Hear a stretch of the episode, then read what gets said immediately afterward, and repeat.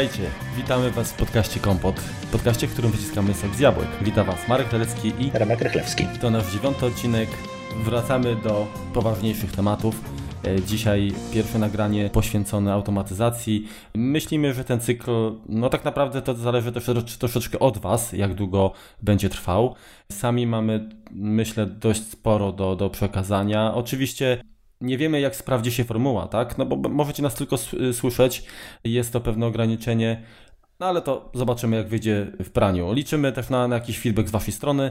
Przede wszystkim tego, co Wam się podobało, czego brakowało. Na pewno w jakiś sposób określi to kierunek, w którym kolejne odcinki będą przebiegały czy płynęły.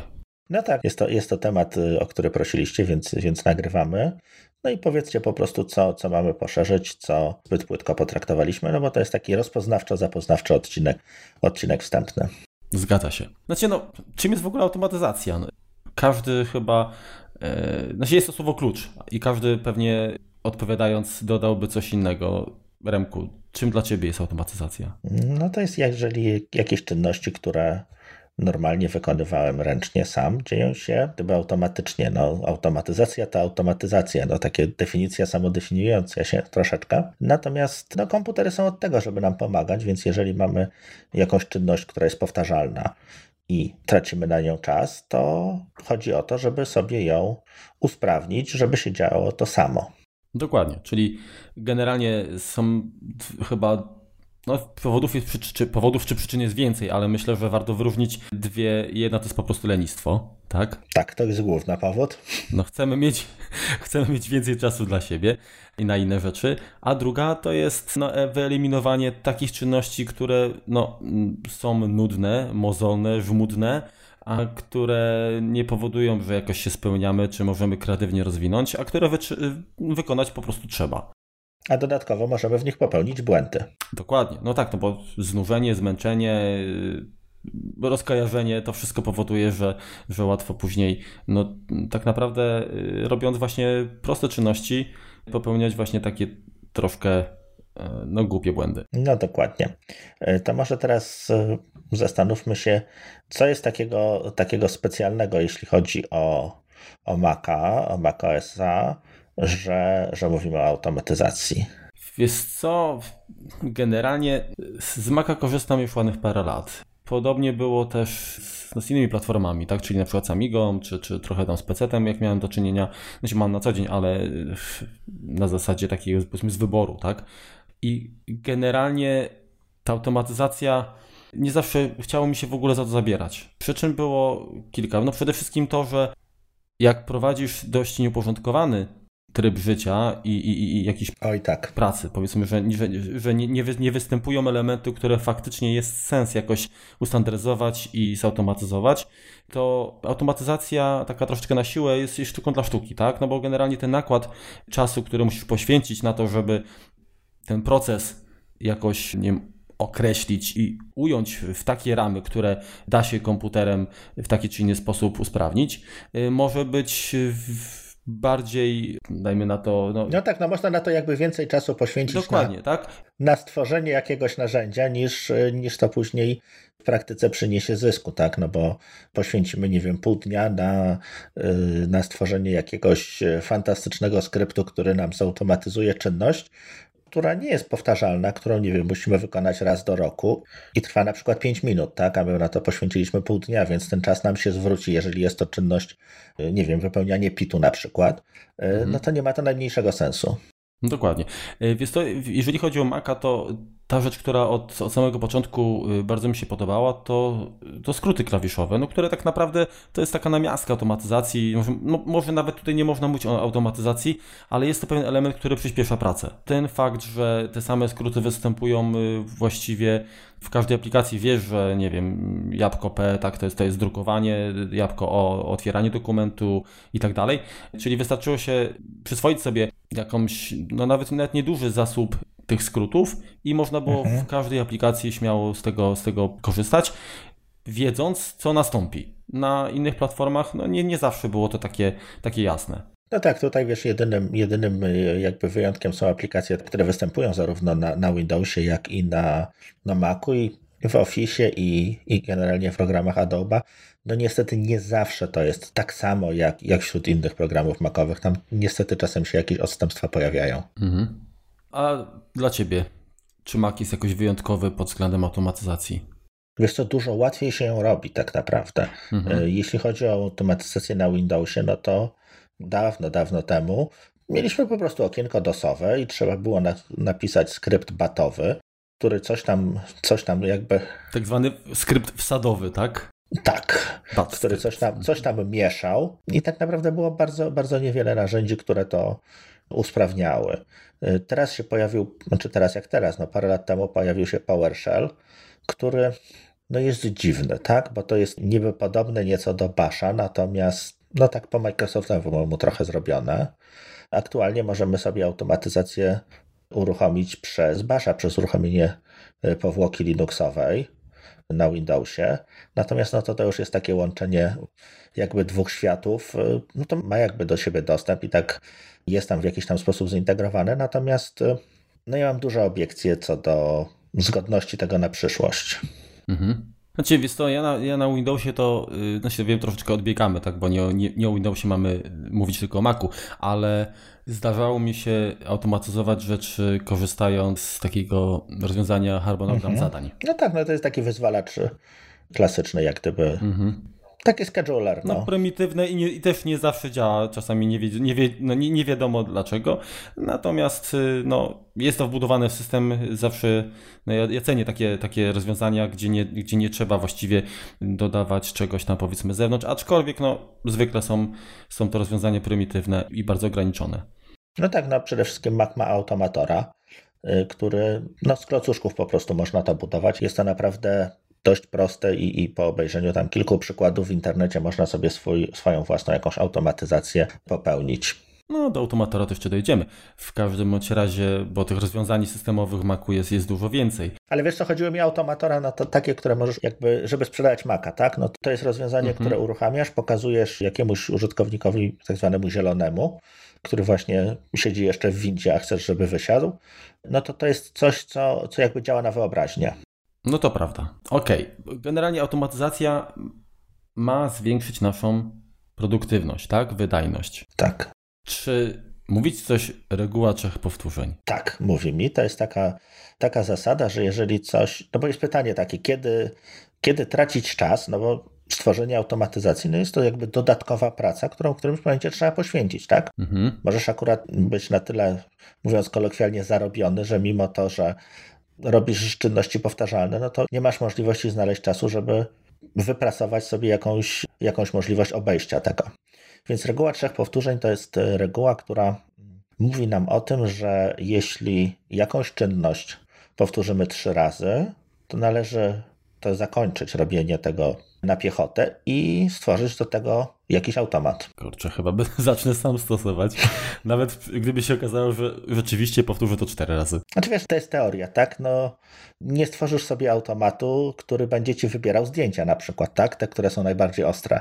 Jak na razie, no troszeczkę trudno o coś takiego. No są mm. jakieś rozwiązania chmurowe, Google i tak mhm. dalej, natomiast no przepraszam, ale zdjęcia to muszę z ręki obejrzeć.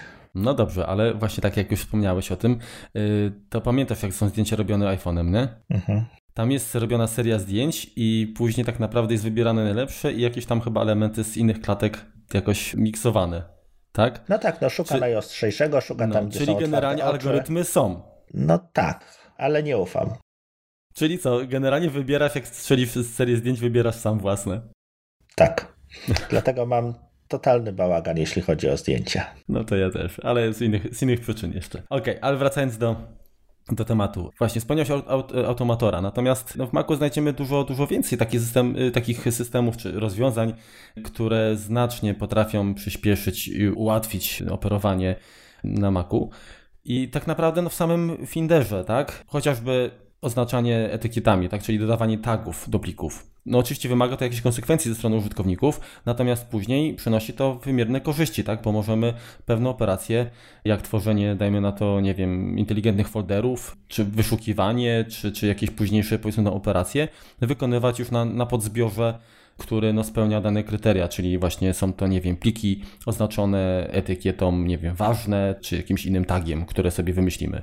Właśnie, a ty jaki stosujesz mechanizm tagowania? Czy to są tylko te kolorki, czy, czy używasz też jakichś, nie wiem, tagów przy, przypisanych do jakichś tam konkretnych y, klientów, dziedzin, czy czegoś to, tam, praca? Wstyd, wstyd mi powiedzieć, ale generalnie ja mam dosyć, dosyć y, no, chaotyczną naturę, tak? Ja, ja lubię porządek, ale lepiej się odnajduję w takim troszeczkę chaosie i tam, gdzie operuję rzeczywiście jakąś większą ilością danych, albo powiedzmy, gdzie ten porządek jest takim pewnego rodzaju punktem honoru dla mnie, mhm. to aktualnie staram się korzystać e, z Hazela. I w tym momencie no, na potrzeby powiedzmy operacji, którą on wykonuje, no to, to, to dodaje, dodaje ewentualne właśnie jakieś etykiety i tagi. Natomiast ogólnie to w samym systemie tak jakbym chciał po prostu na piechoty, dobra, że coś mi przyjdzie do głowy i dobra, od, od dzisiaj oznaczam, że, że nie wiem, te zdjęcia albo, albo takie dokumenty będą powiązane, nie wiem, z tym klientem, z taką rzeczą i teraz na, mhm. dodam taki, taki,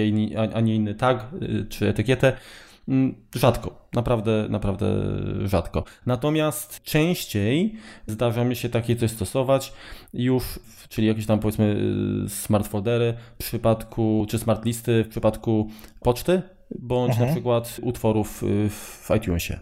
To ja podobnie, dokładnie podobnie. Jeżeli chodzi o pliki, y, no to jednak struktura folderów zagnieżdżonych w sobie, jakby w tym się najłatwiej znajduje. No i do tego jakieś tam oczywiście smart foldery, jeżeli o, jest... ewentualnie o gdzie dodaję tagi? Najczęściej właśnie w aplikacji zdjęcia, gdzie po prostu mhm. zdarzenia nazywam i, i, i, i staram się wtedy jak najwięcej informacji tam dodać, bo rzeczywiście przeszukiwanie e, no, jest wtedy dużo, dużo łatwiejsze. Czy jakiś eksport, czy tworzenie, e, nie wiem, albumów na potrzeby strumienia zdjęć, e, no to mhm, wiadomo, mhm. to operowanie jest, jest szybsze. Ale to wiesz, to się mści, bo generalnie nie, nie, tyle się mści, co ten trzymanie porządku, co, co właśnie ta, ta konsekwencja. Mówię, ja, ja jak czegoś nie zrobię od razu, to później najczęściej tego nie robię wcale. No to akurat chyba taka jest ludzka natura, niestety. Także no jestem leniwy i, i ta automatyzacja często by się przydała, tylko nie zawsze mam na tyle energii czy powiedzmy ochoty, żeby sobie to ułatwić. Chociaż wiem, że w, w perspektywie zyskam, to czasami jakoś tak to lenistwo jest jednak silniejsze. No. Co jeszcze w Finderze można zrobić automatycznie? Pamiętasz, jak rozmawialiśmy w temacie aplikacji na Maca, to y, wspomnieliśmy mm, takie rzeczy jak Better Rename czy Better Finder Rename, takie aplikacje. Tak. I też, I też mówiliśmy o tym, że Finder pozwala już nie wiem czy od Sierry, czy, czy wcześniej, ale tak coś Na pewno w Sierze. Na, na, pewno w Sierze właśnie już. I chyba tam to e, weszło. Mhm.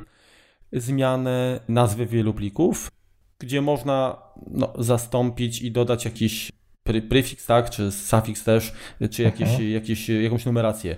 No jest to też przydatne, bo generalnie mm, jeżeli dostajemy powiedzmy zdjęcia z różnych źródeł i urządzenia, którymi te zdjęcia są robione, mają własny sposób nazywania plików, no to czasami jest to tam DSC00 tam i, i numerek, czasami jest to IMG, coś tam, numerek, IMG, tam. dokładnie. I w tym momencie, e, jeżeli wiemy, że no dane, dana grupa zdjęć tyczy się jakiegoś tam wydarzenia, no to łatwiej to wszystko później e, no, posegregować, no, zaznaczając po prostu, tak, że jest większy porządek, jak, jak to się nazywa, e, nie wiem, wyjazd do Zakopanego, Mhm. Data. I, i, I, numerki, dokładnie. I numerki, no.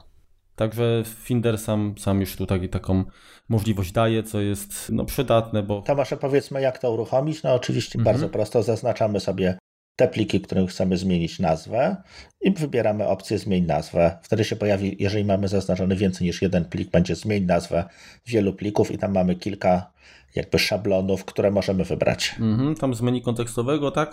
Tak. Względnie menu plik, tak, w Finderze zmieni nazwę iluś tam rzeczy, tak, ile zaznaczyliśmy i wtedy dokładnie pojawia się opcja, gdzie y, taki sheet wyjeżdża. Arkusz z opcjami, gdzie y, możemy właśnie dodać tekst, zastąpić tekst, y, zmienić format nazwy, dodać własny, dodać numerację. Ta numeracja może być przed nazwą, po nazwie. No, także taki prosty mechanizm, ale działa to skutecznie nie, i nie kosztuje Znaczy ani, jest to tak, bardzo ten, prosty mechanizm, natomiast załatwia tak naprawdę 95% potrzeb no, zwykłych użytkowników. mhm. tak. Znaczy, no, natomiast nie jest no, to na, na tyle jakby inteligentna rzecz, która mogłaby y, powiedzmy tą nazwę uzależnić od, od, zawartości pliku, tak? I do tego dojdziemy, mhm. bo na to Albo jest narzędzie. Dokładnie. Także faktycznie. Coś jeszcze w Finderze ci się przypomina takiego, co mogłoby nie, to jest jakby, jakby tyle, co, tyle, co kojarzę. Chyba, że jeszcze wspomnimy no Spotlight, tak? Bo znaczy, no jest to program to osobny. Jest, to, no, faktycznie. No, no ale wy, tak, wywoływany tak. z Findera dla większości jest to jakby no, taka integralna część, myślę.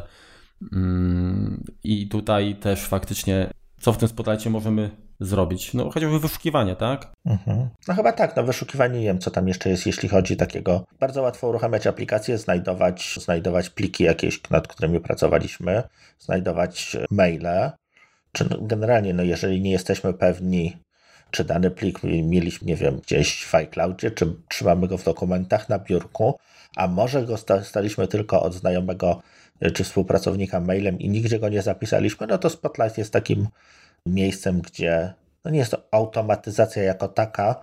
Znaczy może tak, no bo pozwala szukać wszędzie, tak? Jest to y, tak naprawdę może sam interfejs Spotlighta wielu opcji nie daje, natomiast sam Spotlight jako maszyna do indeksowania jest potężnym narzędziem tutaj, dlatego że y, on zbiera i, i jakby no, magazynuje informacje, które później możemy wykorzystać właśnie w jakichś dodatkowych operacjach, bo nawet jeżeli uruchomisz okno y, Findera i tam wywołasz wyszukiwanie, tak, jabłuszka F, to wtedy możesz wybrać różne atrybuty wyszukiwania, tak? I to są Aha. rzeczy. Tam jest multum opcji, które no wiadomo, że. No zawężają w jakiś za, sposób. Zawężają, tak. tak, ale chodzi mi o to, że to są informacje, które, które magazynuje Spotlight. Gdyby tego nie było, no to to wyszukiwanie pewnie byłoby możliwe, ale trwałoby wieki. Natomiast praktycznie mamy y, wyniki e, podane tak, w trybie natychmiastowym. Kolejnym mm, ważnym elementem systemu, który chyba też jest od zawsze, o ile dobrze kojarzę, to jesteś specjalistą od systemów przed 10. Wiesz co, to powiedz najpierw o, o, o, czym, o czym myślisz. O pęku kluczy. Pęk kluczy. Wiesz co, czy on był w systemie klasycznym? Zastrzel mnie, ale kurczę, nawet pod groźbą strzału yy, nie odpowiem. Nie, naprawdę nie, nie pamiętam, nie sądzę, żeby, żeby, żeby, żeby coś takiego było, dlatego że generalnie systemy przed dziesiątką miały w ogóle problem z obsługą wielu użytkowników. Yy, także tam jakby ten aspekt pamiętania haseł naprawdę nie powiem. Jeżeli już, to chyba każda aplikacja, która po prostu potrzebowała, to trzymała jakby w sobie, pamiętała. Ale mhm. to też. tak też... po Windowsowemu. Dokładnie, raczej, żeby jakieś rozwiązanie takie typowo systemowe, no naprawdę nie pamiętam. Ale skoro nie pamiętam, to nie używałem w takim razie. To znaczy, że nie było. Czyli, czyli prawdopodobnie nie było. No dobrze. Czym jest pęk kluczy? Pęk kluczy jest to, jest to miejsce, gdzie mamy zapisane swoje hasła, swoje certyfikaty, czyli y, mogą to być hasła, które używamy do stron internetowych. Mogą to być, są tam również hasła, które system ma zapamiętane, jeśli chodzi o Wi-Fi, mm, jeśli chodzi o y, dostępy do zasobów sieciowych. Co jeszcze? Wszystkie certyfikaty, czyli wszystko związane z PKI, infrastrukturą klucza publicznego również y, znajduje się w pęku kluczy. Dostęp do tego jest zabezpieczony hasłem administracyjnym użytkownika. Aplikacje zazwyczaj nie trzymają tych uprawnień gdzieś tam w swoich zasobach, tak, które domyślnie są mniej bezpieczne, tylko jest po prostu coś w rodzaju takiego sejfu y, stworzone w systemie, gdzie te informacje są współdzielone przez aplikacje, mogą być współdzielone przez aplikacje. Tutaj również są magazynowane klucze podpisywania tak różnych, różnych algorytmów szyfrujących, tak? Mhm. Jakieś tam klucze prywatne, RSA i tak dalej. Także z tego co kojarzę, to tam y, takie rzeczy też są. Tak naprawdę, jeżeli ktoś nie chce wydawać pieniążków, powiedzmy na rozwiązanie typu One Password, to do pewnego poziomu myślę, że ten pęk kluczy jest w stanie, w stanie powiedzmy funkcjonować, zastąpić mu. Natomiast, no i co, co jest fajne, to że ten pęk kluczy też się jakoś tam synchronizuje przez iClouda między y, maszynami, tak? I to chyba działa też y, bardzo fajnie. Bardzo szybko, tak. I szybko, i również między macOSem i iOSem, czyli jeżeli powiedzmy dodamy, jesteśmy gdzieś tam u kogoś, korzystamy na telefonie, z, podłączymy się do Wi-Fi, tak?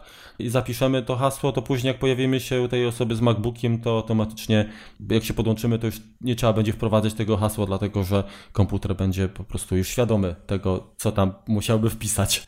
Działa to na tyle dobrze, że jeżeli chodzi o sieci Wi-Fi, to czasem jest problem z pozbyciem się takich sieci. Mhm. E, no bo, nie wiem, wyrzucam, wyrzucam je gdzieś z Maca, a jednak iOS miał zapisane i nagle się one pojawiają znowu, więc... No ale le lepiej mieć w nadmiarze niż nie mieć, wiesz, akurat tego najważniejszego. No tak, tak, to prawda. Natomiast e, nie, występował taki błąd, że, że trudno było, chyba to jest już naprawione, że, że trudno było jakby pozbyć się bez kasowania ustawień telefonu tych haseł.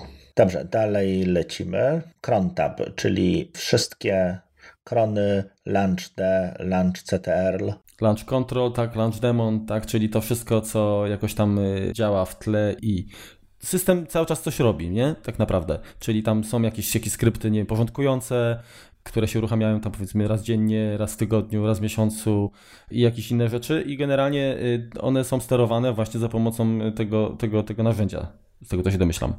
Tak. Tak? Czyli ten cron. Wszystkie indeksowanie, wszystkie, mhm. wszystkie takie rzeczy związane z czyszczeniem cache. Mhm. Czyli skoro mamy takie narzędzie, no to możemy je również zatrudnić do własnych potrzeb. I wtedy co? Terminal w łapę, tak? Czy pod palce, krótko mówiąc? Znaczy tak, to można to zrobić, można dopiąć, dopiąć jakiś swój skrypt, jeżeli chcemy, żeby się coś wykonywało co w jakichś tam przedziałach czasowych. Wiesz co, ja używałem jakiejś takiej nakładki kiedyś, nie podam, nie pamiętam nazwy, ale to podamy w, w opisie odcinka. Jakiś program nie wspierany od 150 lat, natomiast działał dość dobrze. Używałem tego, żeby na serwerze swoim, no właśnie wymusić jakąś tam synchronizację ręczną pewnych tam ustawień. A, już wiem co robiłem. Y, DNS-a w ten sposób miałem zrobionego. Mhm. Czyli po prostu co jakiś czas tam sobie uaktualniał, czy sprawdzał i ewentualnie uaktualniał wpisy w tym DNS-ie. Okej. Okay. Generalnie to zupełnie potężne narzędzie, tylko wymaga no, też, też wiedzy. Nie jest, nie jest to dla zwykłego użytkownika, albo inaczej trzeba przysiąść tak, żeby, żeby to ogarnąć i faktycznie właśnie stworzyć jakieś skrypty, bo nie działa to jak, jak automator w zasadzie budowania z klocków niestety. No tak, to już jest generalnie grzebanie pod maską i to takie dość, dość mocne. Tu można już popsuć sobie, więc te mechanizmy nie są, nie są dostępne tak dla zwykłego użytkownika, żeby, żeby sobie po prostu krzywdy nie zrobił. Mhm. A wiesz co, jak się wejdzie w preferencje systemowe, w klawiaturę, to jeszcze znajdziemy taką opcję skróty. Korzystasz z niej? Tak, korzystam. Tam mam parę rzeczy, parę skrótów przemapowanych, tak żeby mi na przykład Spotlighta mam prze, przemapowanego, żeby mi nie kolidował z Alfredem. Mhm. A ja myślę jeszcze o innych skrótach, czyli takich, które yy, na przykład powodują, że jeżeli tworzymy jakiś dokument i często zachodzi potrzeba częstego wklejania powiedzmy tej, tej samej frazy tekstowej, czyli dajmy na to, szukamy pracy i tak. chcemy klauzulę o tym, że zgadzamy się na przechowywanie danych osobowych, żeby się pojawiała zawsze gdzieś tam w danym miejscu, no to możemy ją dodać i ona pod jakimś tam, nie wiem, magicznym słowem kluczowym, gdy je wprowadzimy w, w tekście, no się zamieni. Czyli to jest to, co znamy powiedzmy z iPhone'a, tak? ZB, zaraz będę, wtedy się pojawia na przykład, tak? Mhm. Albo I to się synchronizuje również dokładnie, z, dokładnie. z iOS-em. Wiesz co, nie korzystam z tego aktualnie. Y, miałem krótki okres, troszeczkę wyprzedziłem, fascynacji Text Expanderem. Mhm. Dokładnie, bo to robi to samo, tylko w dużo, dużo więcej, tak? Pozwala. Znaczy Text Expander więcej poznania, tak, tak, tak, tak oczywiście. Tak. W którymś momencie Text Expander no, nie jest najprzyjemniejszym rozwiązaniem, jeżeli chodzi o iOS-a, tak? No mhm. bo w natywnych aplikacjach e, no, no po prostu nie działa. Musi być wspierane to przez, przez deweloperów. Przez jakiś czas coś tam wspierali, jest klawiatura, no i tak dalej, natomiast e, no nie działa to tak jak out of the box e, wszędzie. Więc stwierdziłem, że spróbujemy tego używać. I no i znów natrafiłem na moment, kiedy on z jakimś uporem maniaka mi duplikował wszystko. Czyli te, te skróty po prostu mi się mnożyły niczym króliki. Działać to działało, natomiast aktualnie nie używam. Mhm. Myślę, że warto zajrzeć, bo generalnie y, w tym panelu preferencji klawiatura, właśnie pod skrótami, tam y, naprawdę jest dużo opcji, tak? Bo możemy nie tylko, y, no właśnie, zmienić skróty w sensie skróty klawiaturowe, czyli zamiast, nie wiem, jabłko P zrobić jabłko D, na przykład, gdybyśmy chcieli, tak? No, mhm. chodzi w to zły przykład, bo oba, oba są skróty już wykorzystane, zajęte z tego, co pamiętam, e, ale tam z jakimś modyf klawiszem modyfikującym typu, nie wiem, Shift czy, czy Alt można byłoby powiedzmy je, je, je, zmienić, e, to również dla programów, które mamy na dysku zainstalowane, tak możemy wywołać e, jakieś akcje właśnie takie automatyczne, czyli na przykład mm, Kiedyś opisywałem taki program paparazzi, który stworzy do, tworzy do przechwytywania całych witryn internetowych. No to jeżeli on jest zainstalowany, to automatycznie w usługach, w skrótach znajdziemy opcję na przykład dodania klawisza, który no, obsłuży, nawet jeżeli ten program nie jest uruchomiony, tak,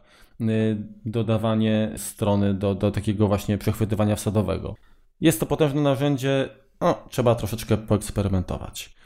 No właśnie, i teraz chyba, skoro jak już wspomnieliśmy Automatora, to teraz możemy powiedzieć, że Automator pojawił się faktycznie w dziesiątce dopiero w systemie OS X, a wcześniej w systemach klasycznych, nie pamiętam czy to był już w systemie siódmym, chyba tak, pojawiło się rozwiązanie o wdzięcznej nazwie Apple Script.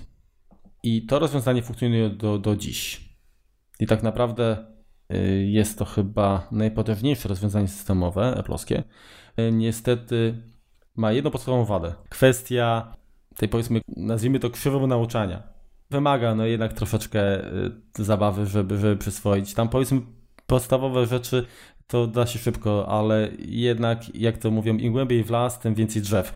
I tutaj no nie jest to aż tak łatwy język skryptowy, żeby no można było tak z marszu powiedzmy przysiąść i, i osiągnąć super rezultaty. Znaczy, mówię ze swojej perspektywy. Nie wiem, jakie są twoje doświadczenia. Wiesz co, ja osobiście Apple Scriptu nie lubię troszeczkę z innego powodu. Tam jest bardzo dużo pisania i dużo pisania po angielsku.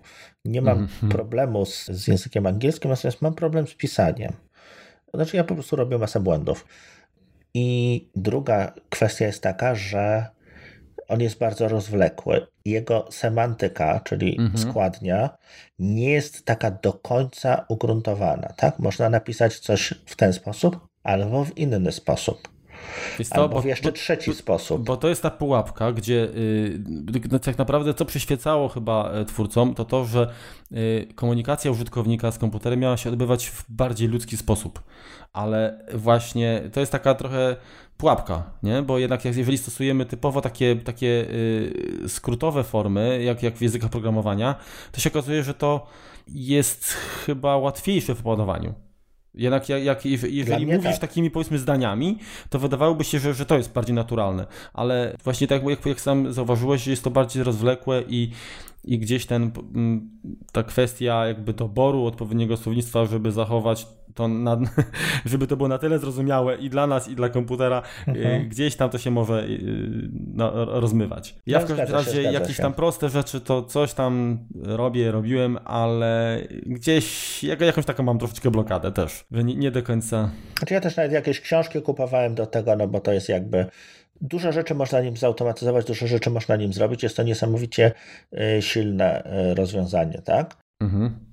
Bo jeśli chodzi o, o Maca, no to jakby te, te miejsca, gdzie, tym, gdzie przez Apple Script można się dostać do, y, do aplikacji, czy, czy nawet wywołać jakieś funkcje danej aplikacji bez jej całkowitego uruchamiania, dają niesamowite możliwości.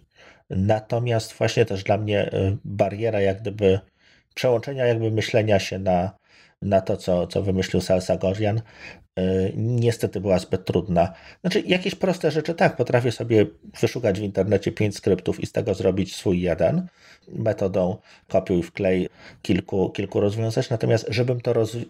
Znaczy, rozumiem, tak? Jak już to zobaczę, to zrozumiem. Natomiast, żebym to mógł od początku jak gdyby sam napisać i, i to tworzyć, no niestety nie. No to myślę, że jesteśmy w tym samym klubie. Także ja, ja, też mniej więcej, y, żeby powiedzmy, ja wiem, co chcę osiągnąć, tak, ale powiem szczerze, że jak siadam do, do Apple Script, to jestem totalnie zielony. Natomiast jak już y, po, poskładać jakby z, z, rozwiązań, które gdzieś tam ktoś wymyślił, jest mi dużo łatwiej. Czyli jakby gdzieś ta bariera taka właśnie komunikacyjna chyba jest. No tak, ale w doda- znaczy tak, jeżeli dostaję jakiś kod źródłowy, nie wiem, w C, E, no to jestem w stanie zrozumieć, co on robi bez uruchamiania jego, tak? Mhm. Natomiast jeżeli chodzi o Apple Scripta, mimo że on jest, powinien być prostszy, tak, bo jest napisany normalnym językiem, e, to ja zawsze mam wątpliwości. No ja też powiem Ci, że jak, jak, jak spojrzę, dajmy na to, nie wiem, tam nawet w JavaScript, czy jakiś skrypt batchowy, kurczę, czy no coś innego, to jakoś się lepiej czuję, bardziej w domu. Mhm. Natomiast y, tutaj niby tak przeczytam, ale nadal trochę czuję się, jakbym był w innym wymiarze. Tak, czyli jeżeli chcielibyście, żebyśmy rozszerzyli coś o Apple Scriptie, to od razu mówimy, nie będzie lekko. Dokładnie. Znaczy jakieś, jakieś elementy jak najbardziej, dlatego że coś tam, y, to, to, to rozwiązanie, tak, i to rozwiązanie faktycznie jakby ułatwia, przyspiesza, czy wręcz umożliwia, tak, coś, co, co be, be, bez AppleScript się nie da. Natomiast raczej nie spodziewajcie się cyklu poświęconego strict AppleScriptowi, chyba że dołączy e, jakiś magik, który ma to e, w, w jednym chociaż z 20 palców. No tak, no tutaj możemy polecić, jeżeli Was to interesuje, to koledzy z Maggatki organizują szkolenia, które są tylko temu poświęcone i zapraszamy tam. Okej, okay. a to z rozwiązań takich systemowych, to, to właściwie jest tak troszeczkę po, po środku, na pograniczu, tak, właśnie macOS, iOS-a, bo uważam, że warto wspomnieć coś takiego, co się nazywa Apple Configurator, tak, czyli mhm. Y, narzędzie do przygotowywania takich, powiedzmy, konfiguracji, może nie obrazów, ale konfiguracji w środowisku, gdzie musimy przygotować wiele urządzeń z iOS-em pod konkretną grupę użytkowników. Czyli jeżeli mamy jakieś, powiedzmy, nie wiem, firmę, gdzie handlowcy, czy, czy nie wiem, tam albo grupa biznesmenów na korzysta z jakichś aplikacji konkretnych, muszą mieć y, ustawione powiedzmy pewne parametry typu właśnie hasła do sieci Wi-Fi, tak, tak, to w tym momencie y, dzięki temu narzędziu, które Apple y, udostępnia oczywiście za darmo, można przygotować takie, to się nazywa blueprinty, tak, czyli e, Kurde, jak, jak to naszym się tłumaczy na nasz blueprint? Ojejku. Nie wiem, jak się to tłumaczy, natomiast to ty poszukaj, a ja opowiem, e, jak już jesteśmy, możemy wdepnąć do, do Microsoftu, jeżeli coś tam e, liznęliście troszeczkę z, z, z administracji tym, no to jest tak e, SCCM Microsoftowy, czyli System Control Management Center, czy, czy jakoś tak dawny SMS Server. System Configuration Manager, o, tak się to nazywa, to, to jest tak naprawdę y, używane czy, czy, na obu platformach, no bo jakby robi to, y, funkcje, funkcje tego są dość podobne. Jeżeli chcemy właśnie część rzeczy zabronić użytkownikom, coś im dokonfigurować z automatu, w sensie jakichś ustawień i mieć możliwość zmiany tego podczas pracy, czy w ogóle tej konfiguracji modyfikowania, tak, jeżeli zmienią się tam jakieś, nie wiem, na przykład stwierdzamy, że aplikacji notatek nie, użytkownicy nie mogą używać, bo nadużywają jej albo jakiej, czegoś tam innego, to po prostu to blokujemy i to, i to w tym momencie znika z systemu. Jakby tego taką namiastką jest kontrola rodzicielska, jeśli chodzi o, o iOS i Maca. Mhm. Blueprint jest plan albo strategia, ale w aplikacji, yy, którą notabene, jak się okazuje, recenzowałem jakiś czas temu, yy, nazywa się to po prostu szablon, czyli, czyli tworzymy szablony dla y, grupy urządzeń po prostu. Także jak macie taką potrzebę, czyli nie wiem, dajmy na to jesteście jedną z nielicznych szkół w Polsce, która na przykład bazuje na iPadach. Mhm. E, no może przesadzam z tym, że nieliczną, ale nie wiem. Pozdrawiamy akurat... tą myśl. No, to, to myślę, że to narzędzie się tam przydaje, bo łatwo później przywrócić powiedzmy takie urządzenie po jakichś zabawach e, dzieciaków do pierwotnego stanu. A jeszcze Bardzo więcej funkcji zarządzania e, urządzeniami jest zaszyte w e, macOS serwerze.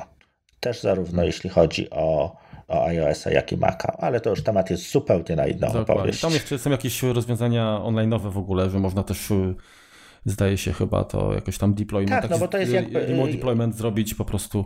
API jest otwarte, do tego API mhm. do, dopina się Microsoft, dopina się kilka innych firm i, i można sobie jak gdyby również przy pomocy serwerów Microsoftu zarządzać iOS-em. Okej, okay, no to czyli jak widać w systemie jest sporo. W systemie jest sporo, wystarczy po prostu określić swoje potrzeby i, i, i myślę, że część z tych narzędzi, które są wbudowane na dzień dobry, y, spełni sporo z oczekiwań i jakby tych potrzeb no, większości użytkowników. Natomiast gdy okazuje się, że albo te rozwiązania są zbyt ograniczone, albo po prostu są mało wygodne, bo no, pomimo tego, że Apple przyzwyczaił nas do tego, że jak już coś robią, to starają się, żeby to było w miarę intuicyjne i wygodne i, i takie przyjazne tak, dla użytkownika, no to trzeba przyznać, że nie zawsze, nie każdy jakby element jest aż tak dobrze dopieszczony i tutaj pojawiają się jakby te, te, te, te, ja ci przerwę, przerwę, tak? ci, przerwę ci tutaj. To jeśli chodzi o Apple, to Andy Anatko ma fajną jak gdyby myśl czy, czy regułę, Apple robi 90 dla 90, czyli 90% funkcjonalności dla 90% osób. No myślę, że też I to jest, jest ich reguła, mhm. jeżeli chodzi o to, co ma, co ma być w systemie, co ma być w ich aplikacjach. No, zgadza się. Czyli co, jakie aplikacje firm trzecich warto byłoby wspomnieć?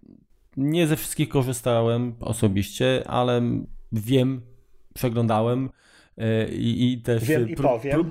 tak, i próbowałem e, się do nich po prostu przymierzać, ale nie zawsze jakby wychodziło, że, że, że e, sprawdzą się w, akurat w mojej sytuacji. Na pewno właśnie warto wspomnieć takie rozwiązania jak Text Expander, o którym ty mówiłeś już wcześniej. Troszkę tak. To może powiemy tylko, co on, co on robi, tak żebyśmy mhm. chociaż tak trzy słowa o tych, o tych programach. Text Expander przez, yy, przez niektórych znienawidzony, dlatego że przeszedł na, na abonament, przez innych znienawidzony, bo twierdzą, że jest to one trick pony, tak? Czyli to jest, yy, tak jak mówią Amerykanie czy, czy Anglicy, to jest taki aplikacja do jednego, czyli taki scyzoryk z jednym ostrzem. Natomiast no, to ostrze jest bardzo ostre. To jest program, który pozwala nam właśnie, tak jak ta część, część systemowa, na, na podmianę jednego tekstu na drugi. Natomiast umożliwia on przy okazji uruchamianie skryptów różnych, baszowych czy, czy automatorowych, umożliwia wyświetlanie jakichś dodatkowych okien, list wyboru. Możemy stworzyć sobie takie makro, które powiedzmy rozpoczynamy maila, tak? Droga, i tu wpisuje, wpisujemy jakiś tam skrót, który rozpoczyna, rozpoczyna maila. I w tym momencie na przykład automatycznie nam się pojawia słowo droga i w tym momencie mamy do możliwość wpisania imienia. Tak, dopisujemy Urszulo i teraz pojawia nam się lista. Dziękuję za poprzedniego maila, czy co u Ciebie słychać? I w ten sposób możemy sobie zbudować jakby przy pomocy jednego rozszerzenia bardzo zaawansowane narzędzie, które pozwoli nam jakby z klocków y, budować schemat jakichś tam wiadomości.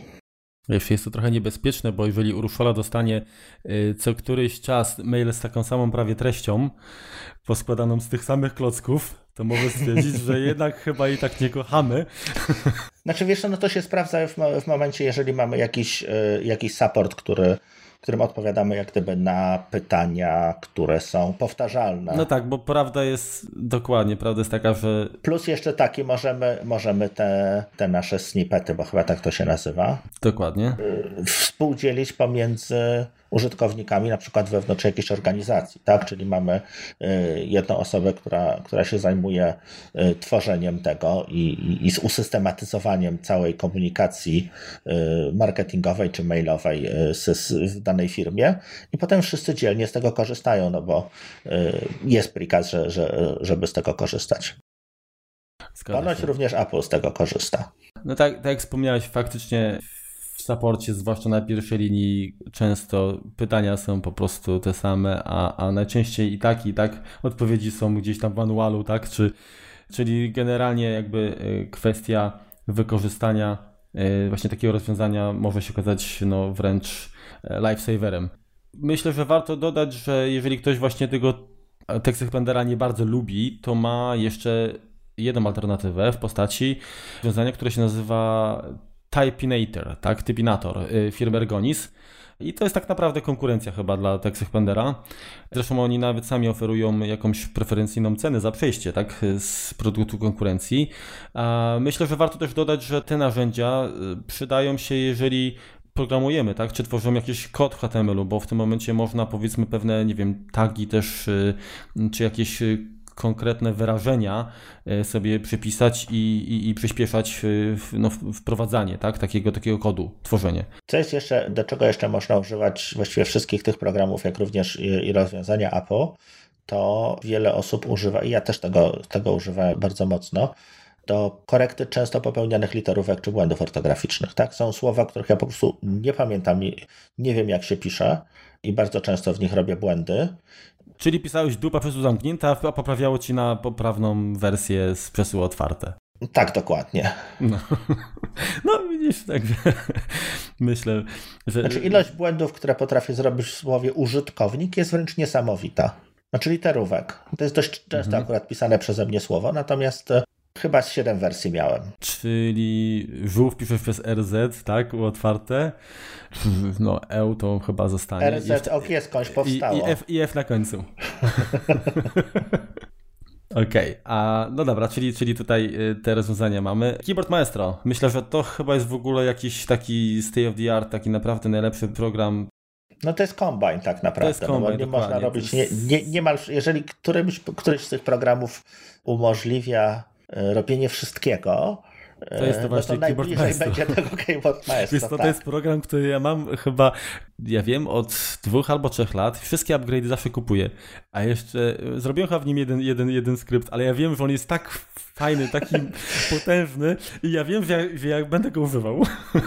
Wiesz co, i to jest właśnie największa wada Keyboard Maestro. On po prostu siadasz do niego i, i on ma za dużo opcji. E, bo możesz tak. E, zastępować tekst, możesz robić skróty klawiszowe, możesz ruszać myszką, no, no pod tym względem ma, ma tego bardzo, bardzo dużo.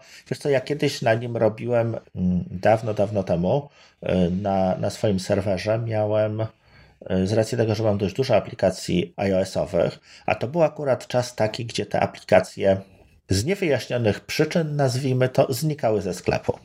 Y, z urządzeń na szczęście nie. Więc ja sobie wymyśliłem, że sobie zrobię, zautomatyzuję sobie tak, żeby mi się na serwerze pobierały wszystkie programy, które kupię, jak również automatycznie aktualizowały. Niestety iTunes nie umożliwia automatyzacji tego, więc miałem napisany jakiś taki skrypt, który dzielnie ruszał myszką, klikał i po prostu co, co jakiś czas, znaczy raz dziennie aktualizował wszystkie aplikacje, które miałem w tej bibliotece.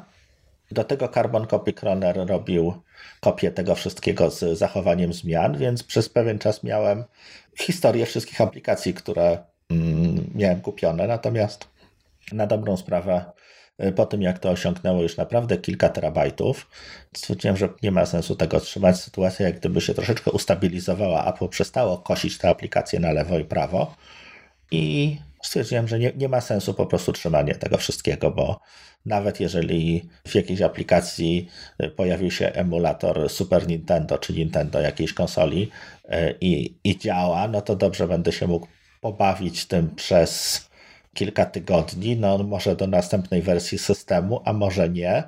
Stwierdziłem, że po prostu szkoda zachodu na, na taką zabawę. Okej, okay. idąc dalej, jest taka aplikacja Default Folder X. Kojarzysz?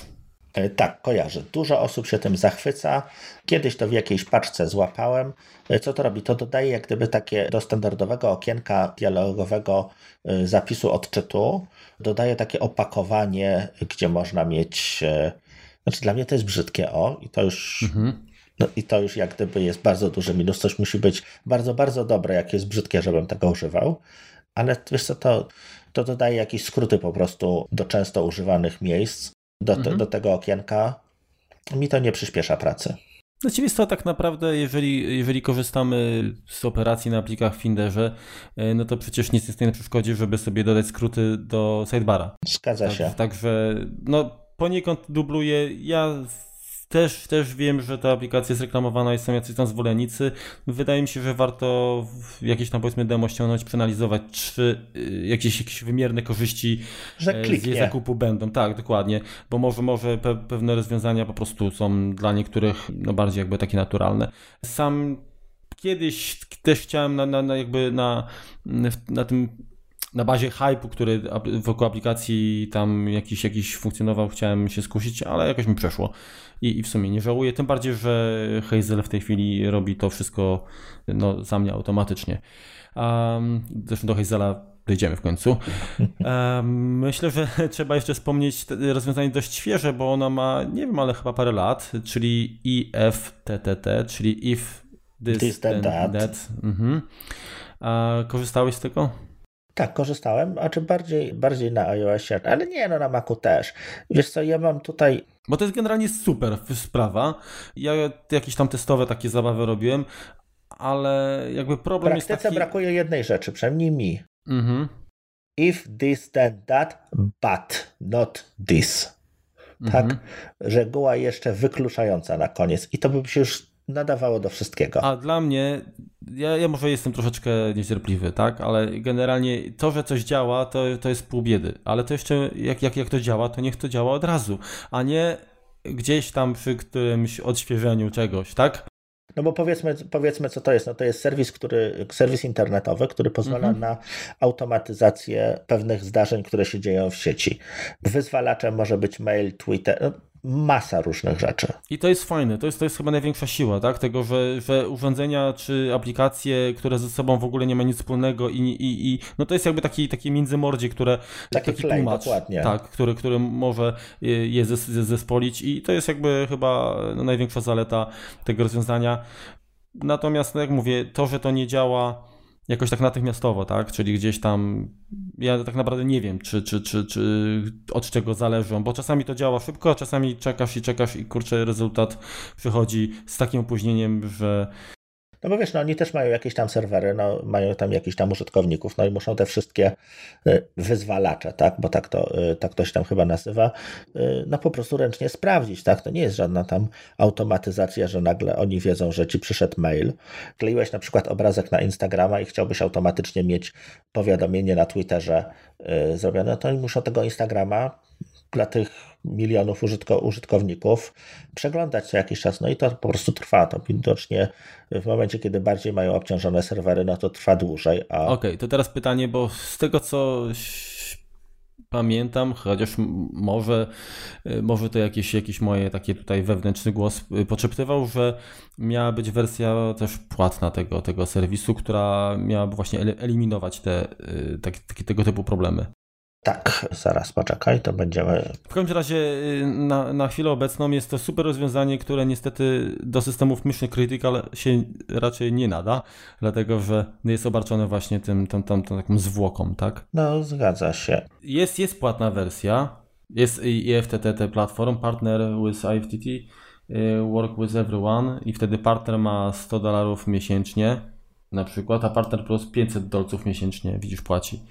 Czyli coś tam jest i teraz kurczę. Ale to chyba jest dla, chyba dla tych firm, dla firm które... które chcą być jak gdyby dodane, tak? Oni monetyzują to po ale, stronie. Ale, w, ale w, w premium jest, jest SLA, tak?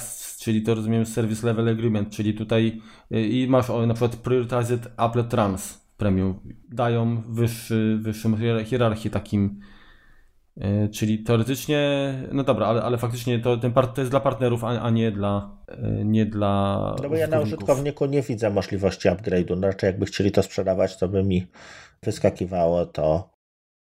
No dobra, czyli, czyli generalnie jakby opcje płatne są dla partnerów, którzy chcą jakby te aplety zgodne z IFTT tworzyć i chcą być jakoś tam traktowani powiedzmy bardziej priorytetowo, natomiast dla użytkownika ma to, co ma, no i ewentualnie jeżeli korzysta akurat z takiego apletu, który gdzieś tam w hierarchii ma wyższy właśnie status, no to może spodziewać się, że ta usługa będzie działała sprawnie i tyle. Tak, bardzo jest to też popularne i, i, i, mocno aktualnie wykorzystane przy pomocy, przy okazji automatyzacji, jakiejś tam automatyki domowej, czyli, czyli różnych, różnych tam urządzeń, które udają smart home. No właśnie, o smart home w sumie nie mówimy, a to w pewnym sensie no jakaś ta automatyzacja jest, ale ja nie mam żadnego urządzenia zgodnego, więc się nie wypowiem. Jest tam jakieś rozwiązanie Smart Bridge bodajże, tak? Czyli, Homebridge. Y, czy Homebridge, tak, który, które powoduje, że nawet jeżeli coś nie jest zgodne, to jakoś tam daje się skleić, tak, żeby można było z poziomu właśnie eplowskich urządzeń sterować tym. Ale no, to jest pewnie gdzieś tam temat na, na przyszłość. Naczytałem się o bezpieczeństwie, a właściwie braku bezpieczeństwa tych rozwiązań i dziękuję. No dobra, czyli możemy w ten sposób podsumować. Na razie, na razie czekamy na, na e, Brave New World, tak, na coś lepszego jeszcze i w ogóle. Dobrze, po IFTT myślę, że takie trochę parę pchełek też wspomnimy. Mhm. E, Better Touch Tool, czyli generalnie rozwiązanie czy, czy, czy Better Touch Tool, no też, też właściwie, bo tak możemy gesty tworzyć specjalne, uh -huh. tak? No jest to może nie tyle automatyzacja, co jednak jakoś tam naszą produktywność można, można y, zwiększyć. Podobnie Better Snap Tool, tak? Poza ustawianiem jakby opcji przyciągania okien, bo wspominaliśmy już ten program wcześniej, można również przypisać glutowelką. Kurczę, jak to się nazywa? No. No teraz już nie są, tak, no, musimy wprowadzić po czyli, prostu na czyli, czyli właśnie, yy, no też zamiast jakby Ikonek od zamykania, maksymizowania i zwiększania okien, tak? Te. Tak, czyli inaczej mówiąc, y, pod lewym przyciskiem może być to, co jest teraz, natomiast pod prawym może dziać się, mogą dziać się jeszcze inne rzeczy. Znaczy tam chyba nie ma opcji mm, podpinania jakichś tam skryptów, ale, ale właśnie jakieś zachowania okienek i inne, inne podobne rzeczy można. No, każdym bądź razie jeżeli coś zwiększa wygodę i przyspiesza, no to, to postanowiliśmy, że też jakby o tym wspomnimy. One Password, też, też mówiliśmy już o tym, czyli jakby no, dużo bardziej zaawansowany odpowiednik y, tego pęku, pęku kluczy, który oferuje dużo więcej zresztą, ale myślę, że też warto właśnie, żeby ten program był na liście. Ty z niego korzystasz chyba w dużo bardziej zaawansowany sposób niż ja i, i myślę, że gdyby go zabrakło, to, to troszkę byś odczuł to w negatywny sposób. Zgadza się. No teraz właśnie go otworzyłem. 426 loginów, 333 licencje zapisane. Dokładnie. A z tego co wiem, to u ciebie te hasło to nie są na zasadzie tam, nie wiem, nie. I, imię psa i cztery cyfry, tylko masz takie. No najczęściej 16 znaków alfanumerycznych lub, lub no więcej. No no a, a One Password wprowadza, później wkleja to wszystko z automatu, tak? No bo nawet kurczę wpis teraz te 16 y, znaków, nawet jeżeli miałbyś gdzieś tam podgląd, tak? No mhm. jest to robota głupiego. Także jak najbardziej automatyzacja w, no, w takim najlepszym wydaniu. Pikmin, Folder Machine, Better Name, Better Finder Name to już, już przy okazji właśnie aplikacji na Maca wspominaliśmy, też pozwalają na pewne operacje tak na folderach i na plikach. Także Tutaj nie będziemy Pigmin Folder bardziej. bardziej pozwala, tak jak Hazel, na, na przenoszenie, mhm. rozrzucanie plików po katalogach, czy, czy, czy generalnie zmiana automatycznie. Jakieś hierarchie, tak. Mhm. Hierarchie, mhm. natomiast Better Rename, czy Better Finder Rename, bo to ten sam program różnie się nazywa w zależności od tego, czy jest e, w Mac App Store, czy jest e, u producenta na stronie dostępny. E, no, tam jakieś problemy z, z Apple mieli, więc musieli zmienić nazwę pozwala po prostu na dużo wydajniejsze zmiany nazwy, nazwy plików. Możemy zmieniać nazwę plików na podstawie daty utworzenia, na podstawie tagów ID3, na podstawie tagów jako takich w systemie, na podstawie Exifa, który, który ma zdjęcia. No tam jest multum możliwości. To wszystkie ten, wiesz jaki tag będą miały wszystkie dokumenty po niemiecku? Nein. Hmm. Guten Tag. Taki sucharek. Okej. Okay. I jeszcze bliźniacza aplikacja Better Finder Attributes, która mniej więcej robi to samo co Better Finder Rename, pozwala na zmianę atrybutów. Jeśli nam się coś posypie, jeśli chodzi o, o uprawnienia, czy chcielibyśmy to ujednolicić, no to jest aplikacja, która się w tym momencie przydaje. Mhm. Jest to, ostatnio rozmawialiśmy i zresztą na, na stronie też, też, też był wpis poświęcony aplikacji Yoing. Matiasa Gansriglera. I jest to taki, taki fajny schowek, który pozwala jakby magazynować rzeczy, które chcemy gdzieś później wykorzystać, czyli taka półka wirtualna do przechowywania różnego rodzaju danych, czy dokumentów, mhm. wycinków i tak dalej, które później powiedzmy możemy wrzucić do wiadomości pocztowej czy, czy, czy w jakieś inne miejsce. I generalnie Poza tym rozwiązaniem myślę, że warto dodać tutaj y, jakieś menedżery schowków, tak? które, które pozwalają też na to, że możemy wielokrotnie y, wykorzystać, inaczej możemy przede wszystkim zapamiętać wiele y, różnego rodzaju rzeczy, powiedzmy, nie wiem, surfując, przeglądając jakieś, jakieś informacje, zaznaczając tekst, kopiując, tak wklejając obrazy, tekst do, do, do, do schowka i później móc przeglądać całą tą historię y, właśnie wklejonych czy skopiowanych, zapamiętanych informacji i wklejać je e, w jakieś docelowe miejsca. I tutaj. To właśnie, powiedz mi, czy korzystasz z jakiejś takiej aplikacji wieloschowka, tak? Czyli schowka, który ma tam... Wieloschowka. E, jest to, czy korzystam... Kiedyś korzystałem z, z rozwiązania darmowego, chyba ono jeszcze darmowe jest, iClip, Mhm. Widzisz, ja kiedyś, kiedyś próbowałem tam różnych rozwiązań. Chwilę zostałem przy Alfredzie, który też ma taką możliwość, natomiast na dłuższą metę, wstyd się przyznać, ale mój mózg nie bardzo współpracuje z wieloschowkiem. Wiesz co? Nie. Jest iClip w tej chwili kosztuje niecałe 70 zł, czyli to musiało być coś innego. Ale fajną alternatywą, przynajmniej na pewno pod względem, nazwijmy to, tego jak, jak ta aplikacja wygląda, jest Pastebot. Zresztą to jest produkt y, chyba tych samych gości, którzy tworzą. Tak, jak najbardziej. Tweetbota i Calcbota, dokładnie, czyli, czyli Tabbots, tak? Aha. No, także testujcie, bo chyba jakieś tam wersje tem, testowe można, można znaleźć na, na, na witrynie chłopaków. A, także Pastebot na pewno bardzo fajnie wygląda. Kiedyś się czaiłem nawet na niego. No tak, bardzo ładna aplikacja, natomiast ja no nie zdecydowałem się na nią, bo no tak jak mówiłem, no jakby nie bardzo to opanowałem. Znaczy w sensie nie wiem, znam, natomiast jestem na tyle przyzwyczajony, może to jest, to jest tutaj kwestia tego, że po prostu przez lata przyzwyczaiłem się do, do, do normalnego schowka, że po prostu tak już... No, tak no już... to na pewno, ale wiesz co, tak myślę, że jak ktoś powiedzmy na co dzień tworzy y, dużo wiadomości jakieś w serwisach na przykład, tak? Albo, no nie wiem, powiedzmy tworzy oferty y, do jakichś serwisów aukcyjnych, gdzie powiedzmy Mhm.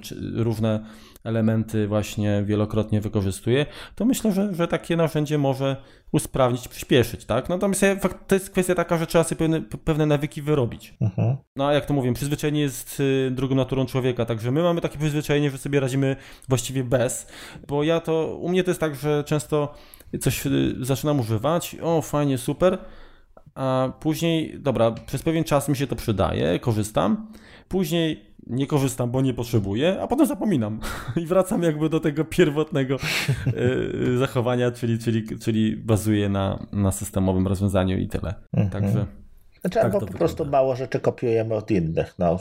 mhm. To też tak może być. Często natomiast korzystam z rozwiązania, które się nazywa e, Image Optim. Zresztą autorem jest Polak. Kornel Lesiński. A dlaczego mm, się uparłem, żeby wspomnieć? Dlatego, że ostatnio zaprezentował takie rozwiązanie, które pozwala na tworzenie e, animowanych GIFów, które wykorzystują PNG chyba jako takie grafiki w środku. Także mamy GIFa, który nie jest ograniczony do, do 256 kolorów, tylko tam jest paleta dużo większa tak, i można fajne efekty osiągnąć. Ja tam, wiesz, no może trochę brezę, y, w sensie, bo nie jestem jakby specjalistą, jeżeli chodzi o tego roz, y, typu rozwiązania, ale polecam na wejście na stronę cornel.ski, kornelski. Mhm. Tam, no poza właśnie Image Optim, zresztą imageoptim.com jest osobna strona, ale tam y, znajdziecie jakby więcej informacji. Um, a do czego to służy? No do takiego wsadowego, czyli automatycznego odchudzania plików graficznych w formatach JPG, PNG, nie wiem, GIF. No, i GIF, tak, bo TIFF-ów na pewno nie, nie, nie robi nic z tym, dlatego No generalnie że... to są te, te, te pliki, które występują w sieci, tak, żeby, Mhm. żeby ograniczyć czy koszty, tak, no bo jakby za transfer No i, płacimy. no i generalnie chodzi o co? Chodzi o to, żeby nie pogorszyć jakości, a żeby odzyskać troszeczkę miejsca. Także jak tworzycie witryny internetowe i chcecie ym, zadbać nieco o, o, o tą przepustowość łącza, Czy o rachunki waszych klientów mobilnych. dokładnie, no to, to, to, to warto z tego Wypada. korzystać. Zresztą dużo takich programów jest podobnych, które pozwalają między innymi na zmianę rozmiaru, tak? Czyli jeżeli mamy zdjęcia, Tak. e, nie mamy super wypasioną lustrzankę, albo nawet kurczę najnowsze iPhony, które no, zapisują domyślnie w, w pełnej jakości, tak? Obrazy i to są Mhm. parumegowe już pliki e, w rozdzielczościach, które na potrzeby no, stron internetowych to jest przesada, tak? No to można w prosty sposób ograniczyć rozmiary takich, takich zdjęć i zrobić to automatycznie, a y, co, co jest fajne, że większość tych programów jest na tyle inteligentna, że sprawdza, czy, czy ja- jaka jest orientacja zdjęcia, tak, żeby, żeby po prostu y, to po dłuższej krawędzi, tak, y, po dłuższym boku określać, gdzie jest jakby wysokość, a gdzie jest, gdzie jest szerokość i, i, i odpowiednio jakby te zdjęcia przeskalowywać. Notabene w automatorze można też to w dosyć prosty sposób zrobić. To tak na marginesie. Mhm. Ja jeszcze używam podobnego programu jak Image Optim, tylko do plików dźwiękowych. Nazywa się Detagger. Służy on do zmiany tagów ID3 czy, czy zmiany nazw plików na podstawie tagów ID3 tylko i wyłącznie, czyli to jest taka jakby mała część e, tego, co oferuje Better Find the Rename. Natomiast no z racji tego, że jest to oprogramowanie tylko do jednej czynności, no robi trochę to lepiej, potrafi szczytywać z CDDB, ściągać opisy płyt.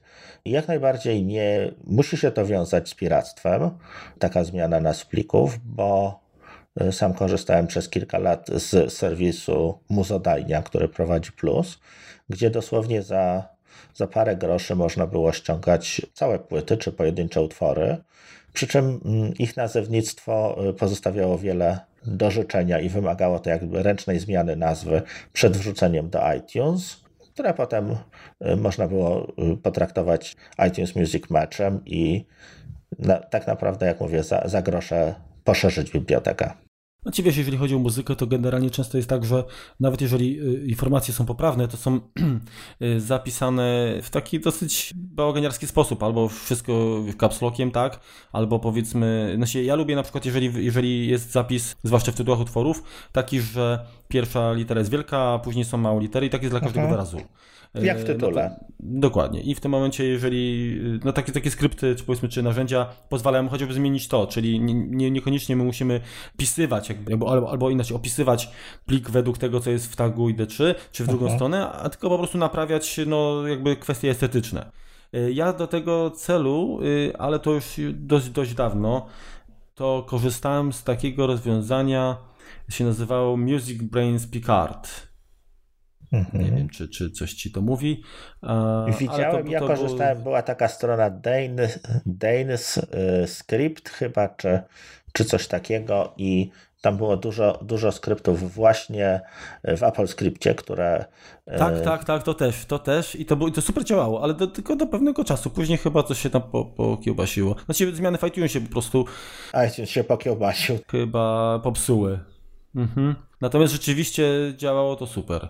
Okej, okay, jeszcze wiesz co, tak mi się przyszło teraz do głowy takie rozwiązania Power Manager. To jest taka fajna aplikacja na Maca, która pozwala na parę rzeczy, jeżeli chodzi o oszczędzanie jakby energii, czy na zarządzanie powiedzmy tym, co ma się dziać jakby z komputerem właśnie, gdy, nie wiem, jest, jest straci zasilanie, jest po restarcie, ale dodatkowo pozwala również na takie rzeczy jak zarządzanie tworzeniem backupów, czy powiedzmy wykonywanie jakiejś akcji automatora, na przykład o określonej porze, czy jeżeli dajmy na to, nie wiem, zasilanie spadnie poniżej jakiegoś poziomu.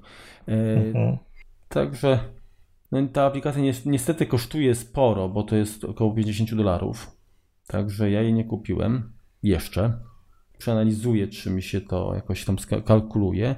Natomiast no, polecam spojrzeć, co na, na co ona pozwala, bo y, można na przykład wyłączać komputer, jeżeli jest jakiś tam, nie, nie jest użytkowany, aktywny przez, przez jakiś czas, czyli jeżeli odejdziemy od komputera, bo stwierdziliśmy, że idziemy do monopolowego po flaszkę, a potem spotkaliśmy kumpla i już do domu ten dzień wrócimy, to jeżeli w aplikacji ustawimy, że jeżeli przez godzinę nas nie ma, to komputer ma się włączyć, to on się wyłączy. Także taka rzecz. Można właśnie wykonywać skrypty, można odtwarzać nawet jakieś prezentacje. Także no cuda Janki myślę, że warto, warto mu się przyjrzeć.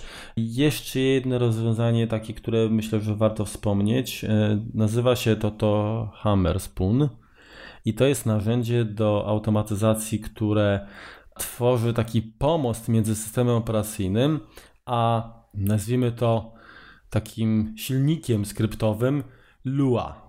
Mówić to coś? E, samego narzędzia nie znam zupełnie, natomiast Lua tak jest no to e, język, w którym są najczęściej opisywane mechaniki gier aktualnie. Mhm. Także jeżeli ktoś jest mocny jakby albo generalnie wie czym to się je, to, to, to polecamy przyjrzeć się i być może w jakiś sposób no, uda się korzyści osiągnąć. No to chyba właściwie pokrótce można powiedzieć, że wstęp, zakoń, po półtorej godzinie. Ja od prawie roku korzystam z Hazela. Mm, generalnie, tak mówiłem, ja jestem raczej typem y, gościa chaotycznego, ale jako, że prowadzę od y, stycznia kurs w moim magazynie, y, no to postawiłem sobie jako za, za punkt honoru głębić tajniki tej aplikacji. Naprawdę uważam, że to jest super narzędzie. Kosztuje to 30 chyba 2 dolary. Zaraz, zaraz sprawdzę, żeby być głosownym. E, firma Noodlesoft. E, tak naprawdę to jest chyba jeden człowiek. E, jest odpowiedzialna właśnie za, za ten program. Koszt, już mówię, 32 dolary dokładnie. Ja to nabyłem przy okazji jakiejś promocji chyba na urodzinach tego programu za połowę ceny, czyli 16 dolarów. Także to była okazja, bo ten program naprawdę, on rzadko kiedy pojawia się w jakichkolwiek, no się jego nie, nie przypominam y, sobie, żeby był w jakimś, nie wiem, jakiejś paczce, czy był przeceniany z, przy okazji innych jakichś tam sytuacji, ale no nie dziwię się, bo dobre narzędzia są w cenie, tak? I tutaj nie ma co liczyć na to, że inaczej, autor nie musi obniżać ceny, bo ten, kto potrzebuje, to po prostu takie, takie narzędzie, to i takie kupi, a ten, kto nie wykorzysta, no nie musi kupować, no to nie ma sensu wypychać tylko. E, mały update. E, Hazel był w paczce z 2008 e, roku kwietniowej w Mac Update. No dobra, to było 9 lat temu, sorry. Nie wiem, nie wiem czy wiedziałem, czy ten program istnieje. Na pewno, na, na pewno nie miałem y, jakichś powiedzmy potrzeb, żeby w ogóle sięgać, ale okej, okay, rzetelność musi być. Także kajam się, odkąd, powiem tak, odkąd się z nim zainteresowałem, nie przypominam sobie, żeby, występ, żeby był w jakiejkolwiek paczce. Mhm. Ja dlatego upgrade do niego kupowałem. Właśnie to, po tym trafiłem, a paczkę tą kupiłem dlatego, że był w niej Parallels. Mhm. No dobra, to teraz tak. Co to jest ten Hazel i do czego, do czego on służy? Y, program ma y, jako logo taką miotełkę e, leszczynową. Zresztą Hazel, tak? To, to chyba właśnie jest leszczyna. I tak naprawdę, no, to jest program, który program, narzędzie, to właściwie to jest takie kurcze środowisko troszeczkę, które dba o porządek na naszym komputerze. Poczynając od takich podstawowych rzeczy, jak obsługa śmietnika. Standardowo wiadomo, jak, jak y, śmietnik, y, kosz nam się zapełni, no to najczęściej sami go opróżniamy względnie jak... No, Trzeba mamy... zawołać dzieci, żeby wyrzuciły śmiecie, no. Wiesz co, lepiej czasami, żeby dzieci do komputera do rodziców nie się nie, nie, nie, nie tykały, bo ja, nie? Widzisz, ja zwykłym koszu myślałem. No, wiem, wiem, no to wiadomo. A wiesz jak to jest, jak się wysypuje, to po prostu się upycha bardziej. Natomiast jak wejdziemy w preferencje Hazela, bo on, on się instaluje jako panel w preferencjach systemowych, także bardzo fajnie. Dodatkowo jest menu LED w, w belce Findera, y, który tam pozwala na, na szybki dostęp do, do wybranych opcji. Um, po otwarciu tych, y, tego panelu preferencji znajdziemy tam trzy zakładki, trzy takie, takie panele. E, jedno to są informacje, gdzie możemy właśnie załączyć bądź y, ukryć y, menu LED, żeby on się nie pojawiał w belce. E, możemy zarządzać tym, jakie opcje centrum powiadomień mają się pojawiać, tak? Czy na przykład ma pokazywać błędy, czy jakieś zdarzenia związane z plikami, czy właśnie zdarzenia dotyczące y, kosza systemowego. A, no możemy weryfikować update'y, możemy załączyć również, jeżeli wciśniemy klawisz opcji, to pojawia się opcja trybu debugowania. Czyli jeżeli mhm. tworzymy jakieś, jakieś reguły i one nie działają, to dodatkowo możemy jakby zapisywać pewne informacje, które pozwalają nam no, namierzyć przyczynę, przyczynę błędu. Również w tej, w tej sekcji, e, w tym, czy na, na tym tabie, tak, info, autoryzujemy, dodajemy licencję aplikacji. E, kolejna zakładka, właśnie trash, czyli, czyli nasz śmietnik systemowy. E, tutaj możemy określić, co ma się, znaczy jak ma się zachować śmietnik w zależności od pewnych kryteriów, tak? Czyli na przykład możemy ustalić, żeby automatycznie usuwały, były usuwane, y, była usuwana zawartość śmietnika po określonym czasie, tak? Czyli tutaj możemy ustalić y, w godzinach, dniach, tygodniach, miesiącach lub nawet latach e, ten, ten interwał, po którym po prostu y, Czyli nas nie interesuje nic, natomiast może się okazać, że właśnie nie, minęła określona ilość czasu i Hazel po prostu za nas y, wyczyści kosz. Czyli czas to jest jakby jeden z kryteriów. Drugi, drugi kryterium, które możemy ustawić, y, to jest rozmiar, tak? Czyli jeżeli, i to nie mówię o rozmiarze pliku, a o rozmiarze kosza całego. Całego kosza, czyli przestrzeni dokładnie, która jest jakby wykorzystywana na, na przechowywanie, czyli jakby na taki na taką kwarantannę, tak, śmieci. No bo wiadomo, że jakby zaletą kosza jest to, że one niekoniecznie te dane, których nie chcemy, są usuwane od razu, bo może się okazać po czasie, że jednak coś tam było istotnego. Ręka była szybsza niż mózg, tak?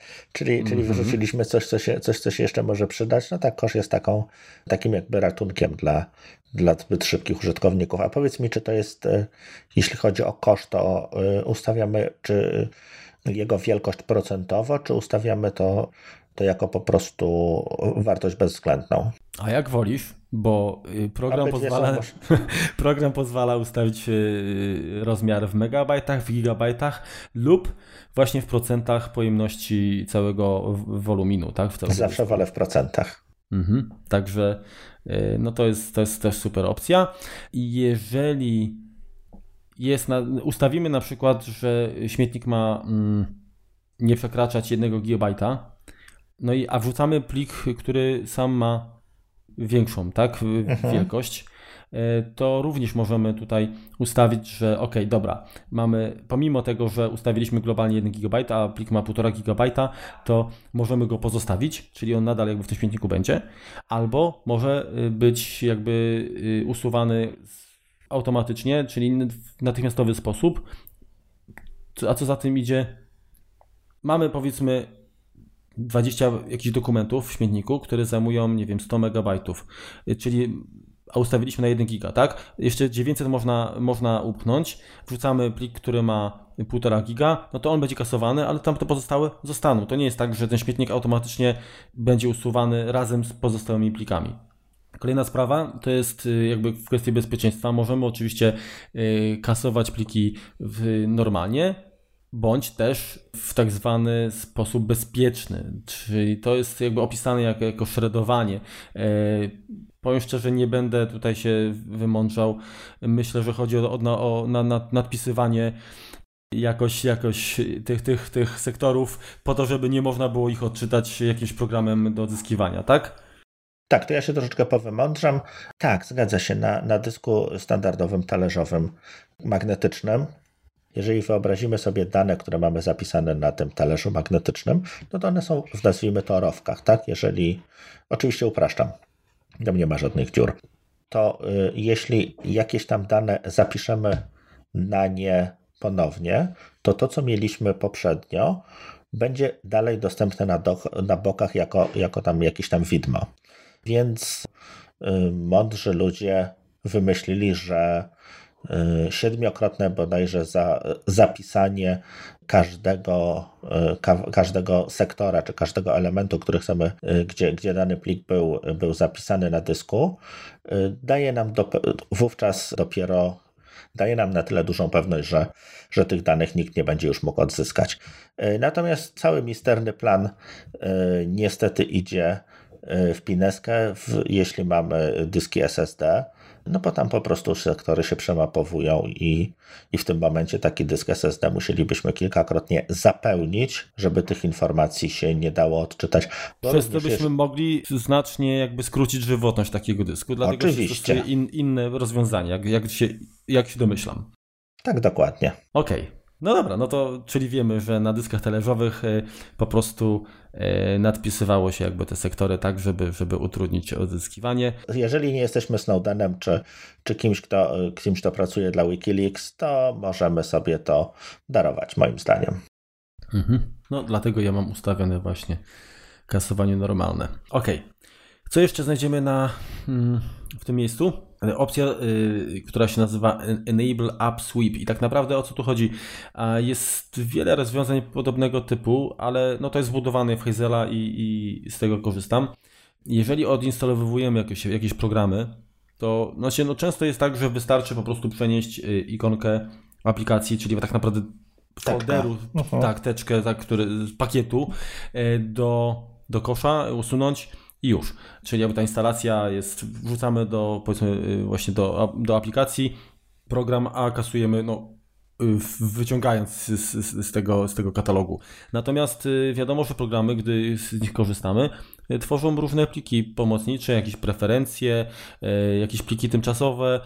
Często, jeżeli, nie wiem, powiedzmy GarageBand, no to dociąga jeszcze, ma, ma folder w teczce application support, y, sam tam jakieś, jakieś sample i tak dalej. No, y, odinstalowanie w tym momencie bez jakiegoś narzędzia, które potrafi jakby prześledzić, co tak naprawdę zostało zainstalowane, tak, co zostało stworzone przez daną aplikację, powoduje, że nie jesteśmy w stanie jakby odzyskać jakby przywrócić e, komputera do takiego stanu, jaki był przed instalacją tego programu. I przed no, instalacją, no przed, przed użytkowaniem. Zostają śmieci, dokładnie, śmiecie, tak. które zajmują, zajmują niepotrzebnie miejsce, które też niepotrzebnie są jakby indeksowane, e, przy wyszukiwaniu gdzieś tam się będą pojawiały. I e, mogą Także... potencjalnie stanowić problemy w przyszłości, jeżeli zapragniemy Dokładnie. używać jeżeli... programów jeszcze raz, na wersji, przykład nowej wersji, dokładnie. Tak. To, to, to A preferencje będą niezgodne, niegodne preferencje będą. to, tak. to może to doprowadzić A w dodatku do jakichś, jakichś, jakichś preferencji, no bo część może, mhm. część zostanie usunięta, część zostanie, więc y, tam to to jakoś może, może być problemem. Zgadza się. Ja y, również używam do, do tego jakiejś tam, jakiejś tam aplikacji. Y, to jest w moim przypadku, zgadniesz co? AppTrap? Nie. No to mów. To jest w moim przypadku aplikacja firmy MacPow. A, no to będzie Clean My Mac? Clean My Mac, oczywiście. Mhm, Okej. Okay. To jasne. No, w każdym razie Hazel ma taką opcję i yy, można też zaznaczyć, czy ma to działać na, na, na koncie jednego użytkownika, czy automatycznie ma funkcjonować, jeżeli mamy oczywiście więcej kont yy, dla innych użytkowników. Mhm. Yy, działa to naprawdę super. A, także, znaczy, może tak, czasami nawet działa to zbyt, mm, jakby to powiedzieć, nadgorliwie. O, czyli mhm. jeżeli aktualizujemy program, to też czasami y, sugeruje, że może warto byłoby pewne rzeczy usunąć. Czasami to jest dobrze, czasami źle. Dlaczego, dlaczego mówię, że źle? Dlatego, że często w preferencjach są zapisane na przykład takie informacje jak nasza, nasza licencje, tak?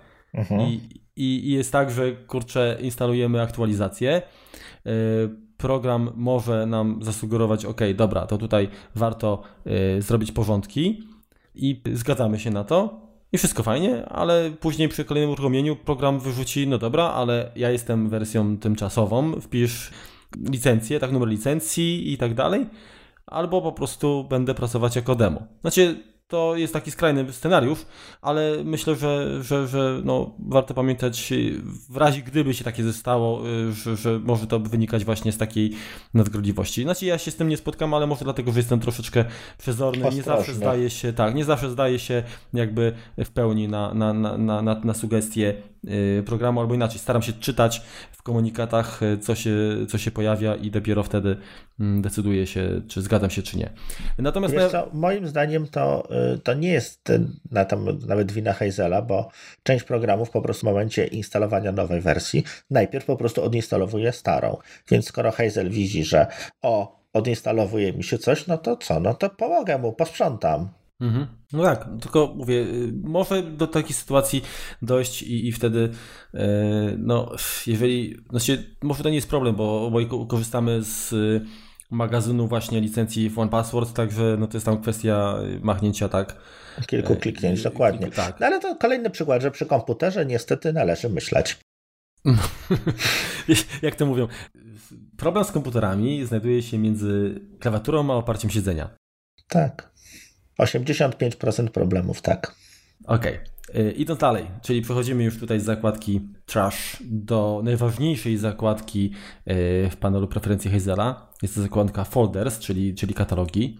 I tutaj zaczyna się jazda, tak? Bo tutaj dodajemy, znaczy w ogóle to może tak, powinienem jakby powiedzieć, jakie ma jakby ograniczenia albo jaki jest główny cel działania Hazela. To poza tym, że oczywiście on robi porządki, to ma pewne ograniczenia, tak? Bo to jest program, który pozwala nam obserwować, co się dzieje w jakimś katalogu i w zależności od tego, czy tam się pojawiły jakieś nowe dane, czy zmieniła się jakaś, jakaś właściwość pliku bądź folderu, to on będzie y, robić to, co mu, to, co mu każemy. Czyli Czyli teraz tak, nie wywołamy go na przykład przez skrót klawiszowy, czy, y, czy jakąś automatyzację, jeśli chodzi o zastąpienie tekstu, tak? Tutaj Dokładnie. wyzwalaczem Dokładnie. są zmiany, tutaj wyzwalaczem jest y, file system, czyli, czyli konkretne pliki. Dokładnie tak. Hazel bazuje na, na, na, na system events, tak, czyli takim systemie zdarzeń kontrolowanym przez system. Oczywiście tam nie wszystko dałoby się zrobić, także e, autor dodał jakieś swoje mechanizmy. E, natomiast e, generalnie jest tak, że jeżeli powiedzmy coś się zmieniło i my, ta zmiana jest widoczna z poziomu Findera, no to oczywiście Hazel też, też, też to widzi i jest w stanie zareagować. Nie działa tutaj, tak jak wspomniałeś, wyzwalanie skrótem klawiszowym, czyli tak jak na przykład mamy workflowy, czyli takie takie kurczę, znowu trzeba szukać odpowiednika y, polskiego słowa. Procesy, no, workflow po naszemu. Zaraz znajdziemy. Przepływ pracy, ale pięknie. No, no, no tak, no to jest dosłowne, tak, workflow. Okej, okay, dobra, no w każdym razie jakaś sekwencja zdarzeń powiedzmy, tak? Czy sekwencja czynności. O. Także jeżeli tworzymy takie coś w automatorze, to możemy to wywołać skrótem klawiszowym, bądź podczepić jako opcję pod menu kontekstowe, tak? I wtedy uruchomić na, na pliku, folderze, grupie obiektów i tak dalej. Natomiast tutaj Hazel, on działa cały czas w tle. Czyli jeżeli coś się stanie, wrzucimy na przykład nowy plik do, do obserwowanego folderu, to y, no, czasami jest to kwestia sekundy, czasami no, kilku, kilkunastu sekund, ale jak tylko po, będzie kolejny ten tak zwany demon, tak, który działa e, w tle, się zorientuje, że coś się, coś się zmieniło, no to zacznie wykonywać działania. No oczywiście to, to, to opóźnienie musi być, yy, dlatego że no, wyobraźmy sobie program, który praktycznie bez przerwy monitoruje, co się dzieje. No to w tym momencie komputer jest, jest bezużyteczny, bezużyteczny bo no, tak naprawdę jest y, zajęty przez proces jeden, który cały czas gdzieś tam. A są takie programy. I to nawet dość popularne. Wiesz, jak się nazywają? To są te. Yy, programy a... antywirusowe. No tak, ale ja jeszcze myślałem o innych, o tych na przykład y, CoinHive, te wiesz, kurczę, Bitcoin minery i tak dalej. Mhm. Bo one też non-stop działają tak naprawdę, nie? No tak, tak. One tylko, że one, one tutaj zajmują same procesory. Natomiast tak jak, zgadza się, no tak jak Hazel podpina się pod, pod podobne mechanizmy, jak, jak na przykład program antywirusowy, jak program antywirusowy y, musi sprawdzić każde odwołanie do dysku, czy, czy pliku, czy, czy, czy tam nie ma czegoś niedobrego, no to, no to potrafi bardzo mocno obciążyć, y, obciążyć system. Mhm. Znaczy, ja generalnie jakoś nie zauważyłem, żeby y, komputery był tak bardzo obciążony, żeby nie szło czegoś tam y, zrobić, ale rzeczywiście, no. Czuć, że coś jest pod maską? Jakoś jeszcze nie zdarzyło mi się, żeby wentylatory mi wyły. Jak na przykład odpalam Image Optim, tak? No to mhm. owszem. To tak, to jest, on w tym momencie potrafi do rozgrzać procesory i wentylatory nie nadążają schłodzić. Natomiast przy przypadku Hazela nie zdarzyło mi się, chyba że przy okazji tworzenia jakichś właśnie skryptów gdzieś dałem ja ciała, tak, czyli popełniłem mhm. błąd i, i w tym momencie jakby zapętliło zmusiłem, się tak, to. zapętliło się coś, no to wtedy tak. No, w normalnym użytkowaniu nie, tak naprawdę jest, jest to bardzo, bardzo przyjazny y, program dla systemu, dla komputera. Mhm. Także a, jeżeli wybierzemy sobie jakiś folder, e, no to możemy stworzyć odpowiednie reguły, tak? To są reguły, czyli to są jakby zasady, które e, co ma się dziać i, i tak naprawdę z czym ma się dziać. E, standardowo, gdy uruchomimy Hazela, jest coś takiego jak. Ojej, czekaj, ja muszę dodać.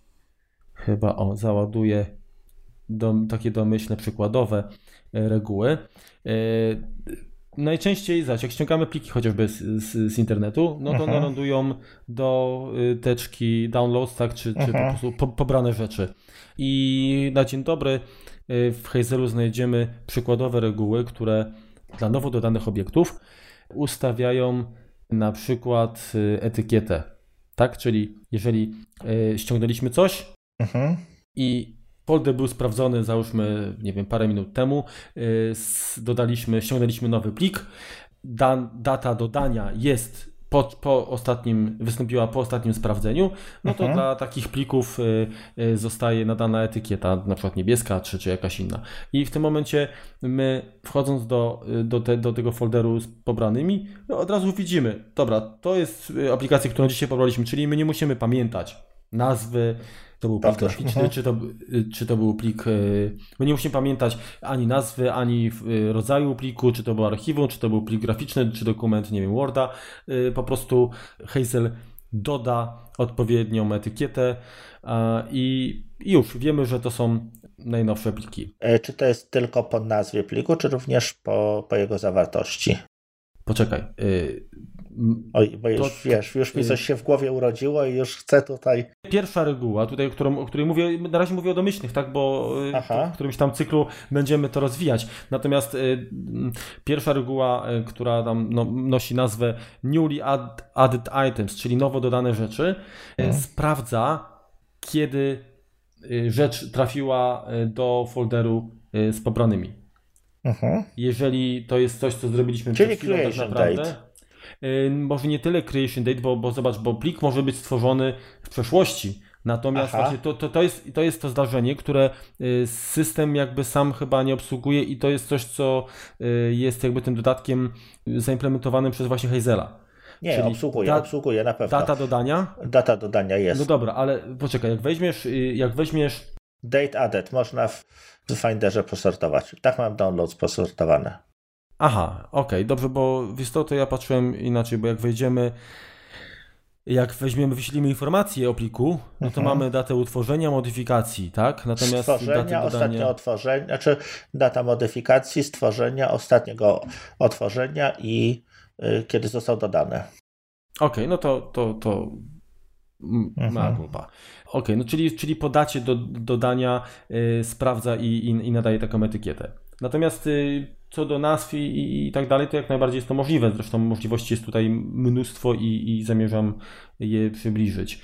A inna reguła powoduje, że możemy na przykład a, dla plików, które zostały dodane wcześniej niż na przykład w ciągu ostatniego miesiąca, mhm. możemy dodać kolejną jakby etykietę, tak? Albo, albo wręcz je usunąć, tak? Czyli jeżeli pliki, które pobraliśmy, pobraliśmy, dajmy na to, nie wiem, miesiąc temu, no to jeżeli przez miesiąc nic z nimi nie robiliśmy, czyli nie zmieniliśmy etykiety, nie przenieśliśmy gdzieś tam w inne miejsce, nie zarchiwizowaliśmy sobie, no to prawdopodobnie są to rzeczy mało istotne, albo i, mo, i, możemy albo właśnie nadać im nową etykietę, typu, nie wiem, etykieta czerwona, po to, żeby zwrócić uwagę, słuchaj, ej, jestem już tak stary, że się decyduj, tak? Albo y, mnie wywalasz, albo zrób ze mną coś innego.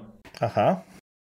Czyli, czyli określamy jakby interwał, po którym dana rzecz będzie jakoś tam wyróżniona, czy, czy jakaś operacja będzie na nie, na nie wykonana.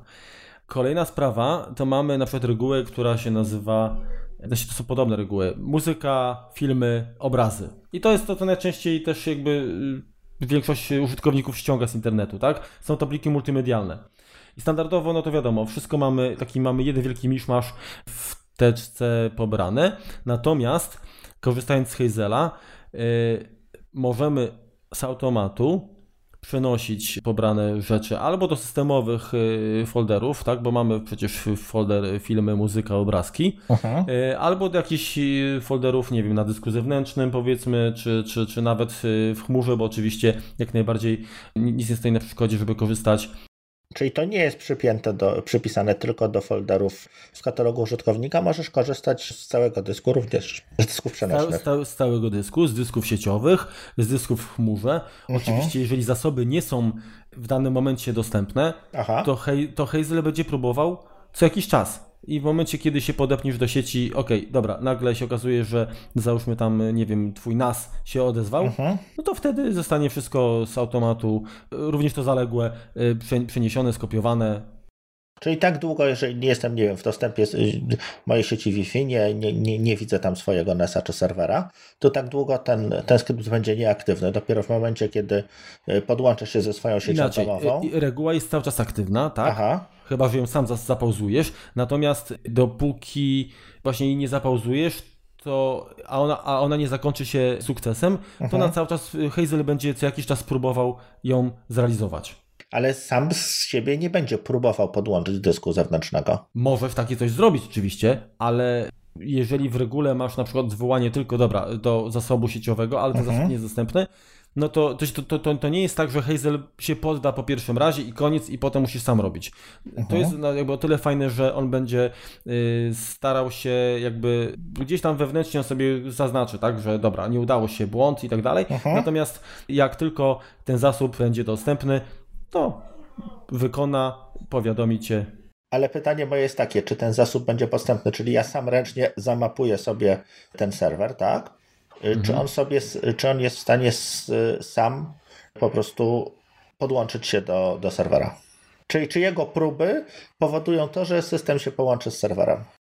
Jeżeli chodzi o operację łączenia do zasobów sieciowych, no to mechanizmów takich na dzień dobry w Hazelu nie ma. Natomiast mhm. jeżeli stworzysz skrypt, który będzie z automatu przyłączał zasoby sieciowe, no tak. to taki skrypt możesz podłączyć pod reguły w Hazelu. Rozumiem. Tak, czyli jakby, okej, okay. czyli wyzwalaczem musi być coś, co zmiana powiedzmy w katalogu downloads i jeżeli ściągnie się MP3, to znaczy, inaczej, mo, mo, może być tak, że, mo, może być tak, że dokładnie, że jesteś, jesteś w swojej sieci, ale NAS nie jest podłączony. Mhm. Natomiast stworzysz skrypt, który, który podłącza, który no, loguje się do, do twojego zasobu na, na NASie i ten skrypt podepniesz pod regułę w Hazelu, no to teraz tak, jeżeli faktycznie ściągniesz jakiś plik, ten plik będzie spełniał kryteria i chcesz, żeby on się archiwizował na twoim NASie, no to Hazel wykona skrypt, jeżeli uda się podłączyć NASA, to wtedy przejdzie dalej mhm. i skopiuje, czy tam przeniesie ten plik w, w docelowe miejsce.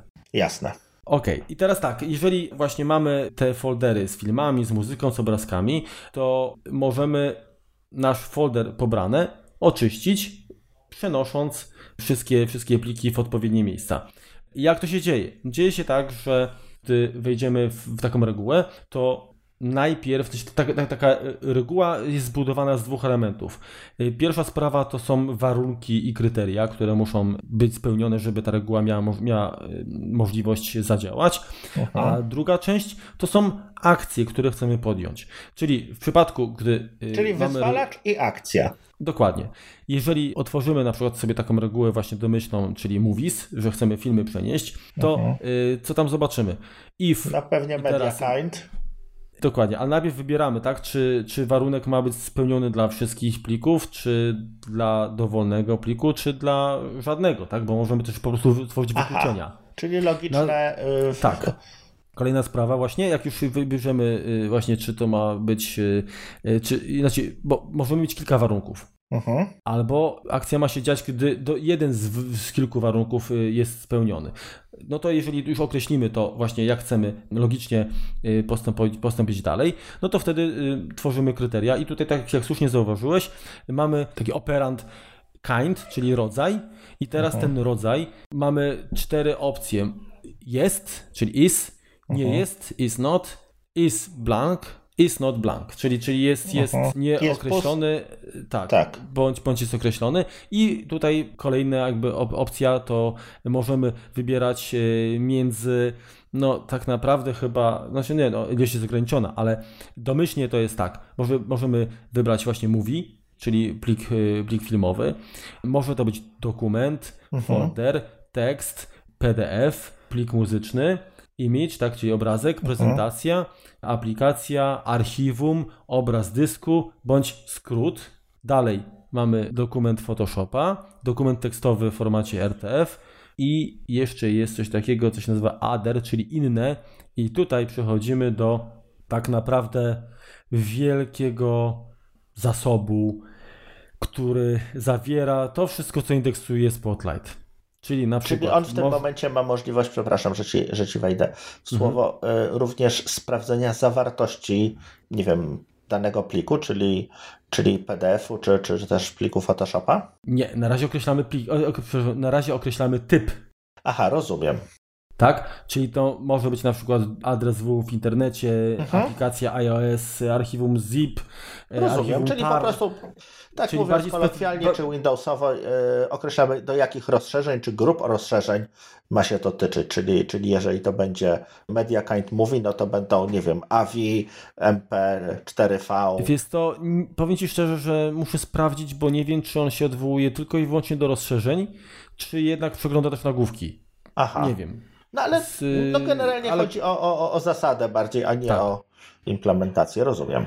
Czyli określimy typ pliku i następnie właśnie jako, jako akcję ma, mamy też y, tutaj sporo opcji do wyboru, czyli przenieś, skopiuj, zmień nazwę, posortuj w podkatalogach, synchronizuj, wyślij na serwer, czyli możemy na FTP tak wysyłać, dodaj tagi, usuń tagi, dodaj etykietę kolorową, dodaj komentarz, zmień rozszerzenie, archiwizuj, odarchiwizuj, otwórz, pokaż w Finderze, stwórz skrót, zaimportuj do iTunesa, zaimportuj do aplikacji zdjęcia i teraz najbardziej chyba potężne e, możliwości, czyli wykonaj Apple Script, wykonaj skrypt Java, wykonaj sekwencję czynności automatora, tak, czy automator workflow i wykonaj e, skrypt shellowy, tak, czyli, czyli taki, co normalnie powiedzmy byśmy wykonywali mm, w terminalu. Ale to jest po... E, skrypt Java czy skrypt JavaScript? JavaScript to jedno, a jeszcze dodatkowo masz skrypt w bashu, tak? Ale aha, czyli nie. Skrypt JavaScript, nie skrypt Java. Bo JavaScript, dokładnie, tak. Okej, okay, dobrze. Mhm. Możemy wyświetlić również y, powiadomienie, bądź po prostu zignorować tak? Czyli stworzyć regułę, która akurat dany typ plików będzie, będzie totalnie ignorowała. Są jeszcze dwie opcje tutaj, e, wykonywanie na zawartości folderów i, i kontynuację, ale do tego, do, do tego przejdę przy innej okazji, dlatego że e, to są rzeczy, które mm, wykorzystujemy, a jeżeli chcemy mm, rekurencję, tak, zastosować, czyli chcemy gdzieś tam zaglądać głębiej w folderach albo na przykład na któryś poziom, czyli jeżeli mamy drzewo katalogowe mhm. i chcemy, żeby coś się działo, ale tylko na, na poziomie powiedzmy 5 podfolderów czy podkatalogów niżej. Takie, takie, ta, takie możliwości są i, i tutaj te opcje są, są bardzo, bardzo przydatne. Czyli dla przykładu, jeżeli mam posortowane zdjęcia, gdzie y, osobno, znaczy jest katalog rok, pod którym jest katalog miesiąc, w którym jest katalog dzień, mhm. w którym są dopiero, y, dopiero zdjęcia, czyli tak hierarchicznie, mhm. to mogę stworzyć w ten sposób skrypt, żeby tylko i wyłącznie sprawdzał, co się dzieje w tym katalogu dzień, tak? Czyli on w tym momencie nie będzie, nie będzie pracował na poziomie miesiąca czy, czy tak, roku, dokładnie. żeby nie obciążać dodatkowo. Zgadza się. No rozumiem. No właśnie, czyli jeżeli chcemy przenieść na tym przykładowym, takim y, przykładowej regule, chcemy przenieść filmy, które trafiły no, z internetu do naszego katalogu pobrane rzeczy y, do katalogu filmy, tak, systemowego, no to wybieramy Move, to folder, filmy, no i tak naprawdę tyle. Aczkolwiek są jeszcze dodatkowe opcje, bo teraz tak, może plik o podobnej nazwie już występować, tak? I w tym momencie możemy albo zmienić nazwę, czyli jeżeli mamy film Terminator, to zrobimy sobie Terminator 2. Krótko mówiąc, tak? Czyli, czyli nazwiemy ten kolejny plik, a będzie miał dodaną, dodany numer. E, możemy oczywiście podmienić, tak? Czyli replace, tak? Existing file, bądź też możemy ten plik, który chcieliśmy przenieść, ten plik z filmem, tak? który chcieliśmy przenieść, jeżeli się okaże, że już tak istnieje, po prostu wyrzucić do kosza.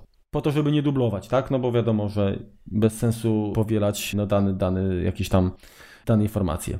Oczywiście to usuwanie do kosza może przebiegać nie tylko po nazwie, ale wtedy, kiedy rzeczywiście jest to duplikat, tak? Czyli się nie różni plik ani, ani rozmiarem, ani zawartością. Nie, nie wnikałem może pod maskę, jak, jak, to, jak to funkcjonuje. Myślę, że przy okazji jakiegoś tam mm, odcinka taką opcję wybiorę i, i wtedy przetestujemy.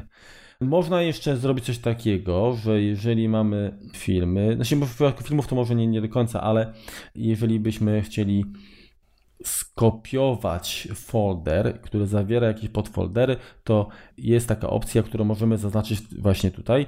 Kopiuj strukturę katalogów i po zaznaczeniu tego mamy opcję czy mamy skopiować tylko strukturę jakby folderu narzędnego, czy obserwowanego, czy kompletną taką od ruta, tak? Czyli, czyli od katalogu głównego, jak się to myślam. Czy masz Remko jakieś pytania do tego? Ojej, bardzo dużo, bardzo dużo wiedzy. Dość długi odcinek nam wychodzi. To ja mam pytanie takie, jeśli mam te, te skrypty i one coś tam robią u mnie w katalogu domowym, tak? Na przykład niech to będzie to downloads. Czy mam możliwość synchronizacji tego pomiędzy kilkoma komputerami? Tak, jak, jak najbardziej. Znaczy, generalnie to jest tak, że te reguły, tak, które tworzysz dla Aha. folderów, możesz między folderami obserwowanymi kopiować, przenosić. Oczywiście no, trzeba później zmodyfikować, tak, no bo one bazują na, na różnych kryteriach, tak, no, mogą być nazwy folderów przecież, które znajdują się w środku, czy Aha. jakieś inne kryteria. Natomiast jakby mechanizmy, które chcesz wykorzystać, mogą być bardzo, bardzo podobne.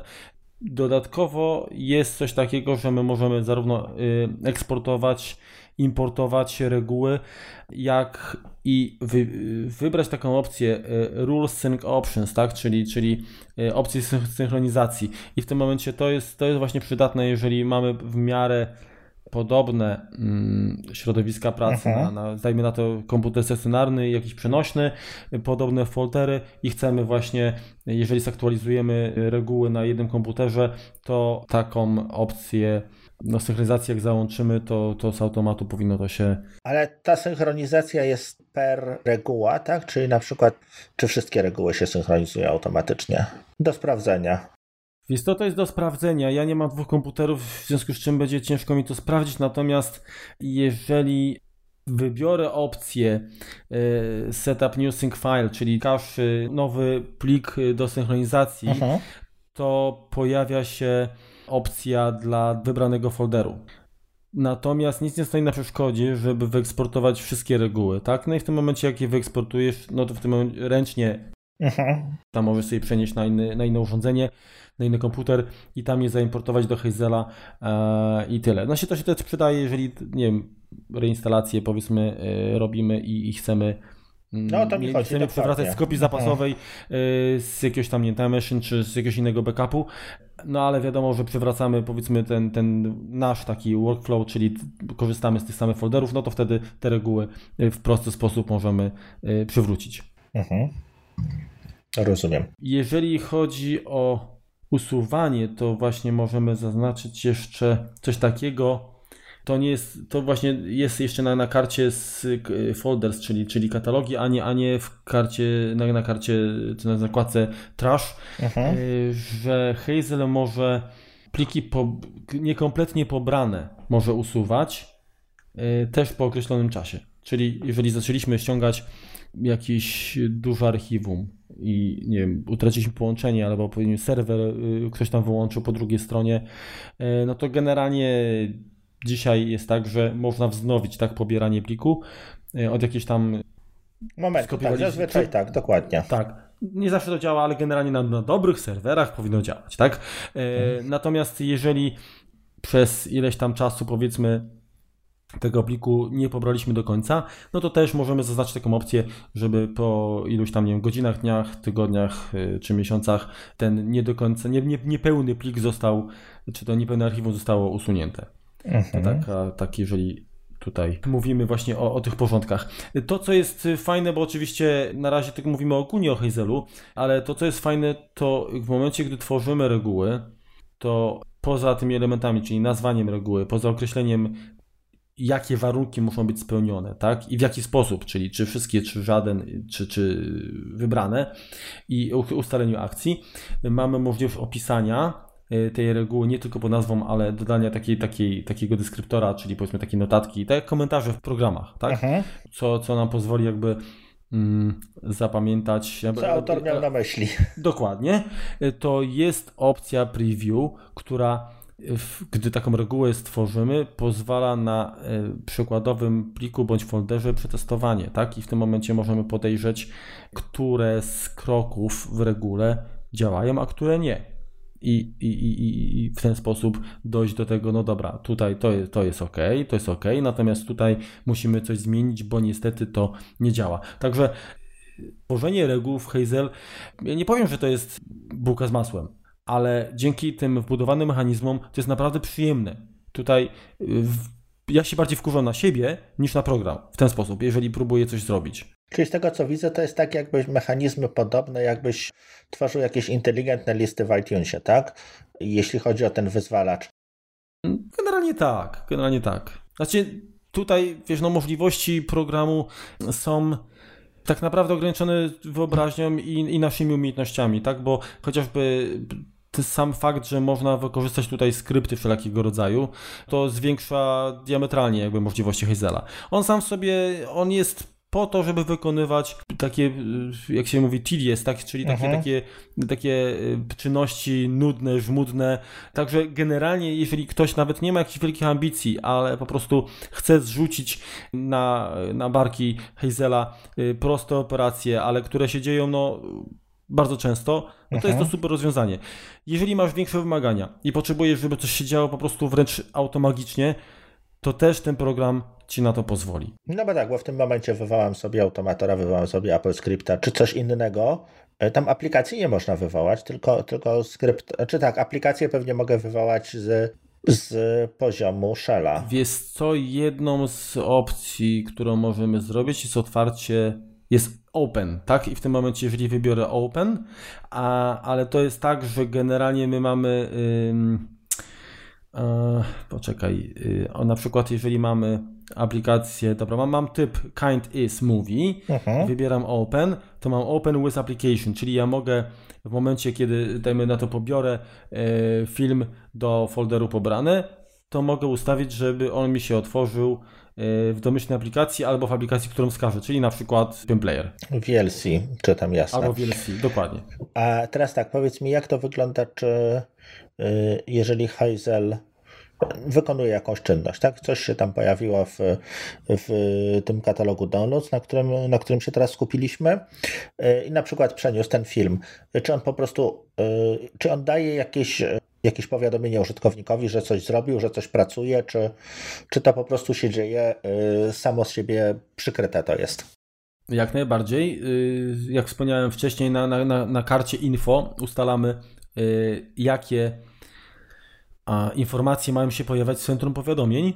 Mhm. I w tym momencie no, wyjeżdża z boku y, dymek, tak, z informacją, że naprawdę przy, przykopiowałem plik, czy przyniosłem plik y, taki a taki w takie a takie miejsce. Ale jest to do włączenia, czy jest to zawsze?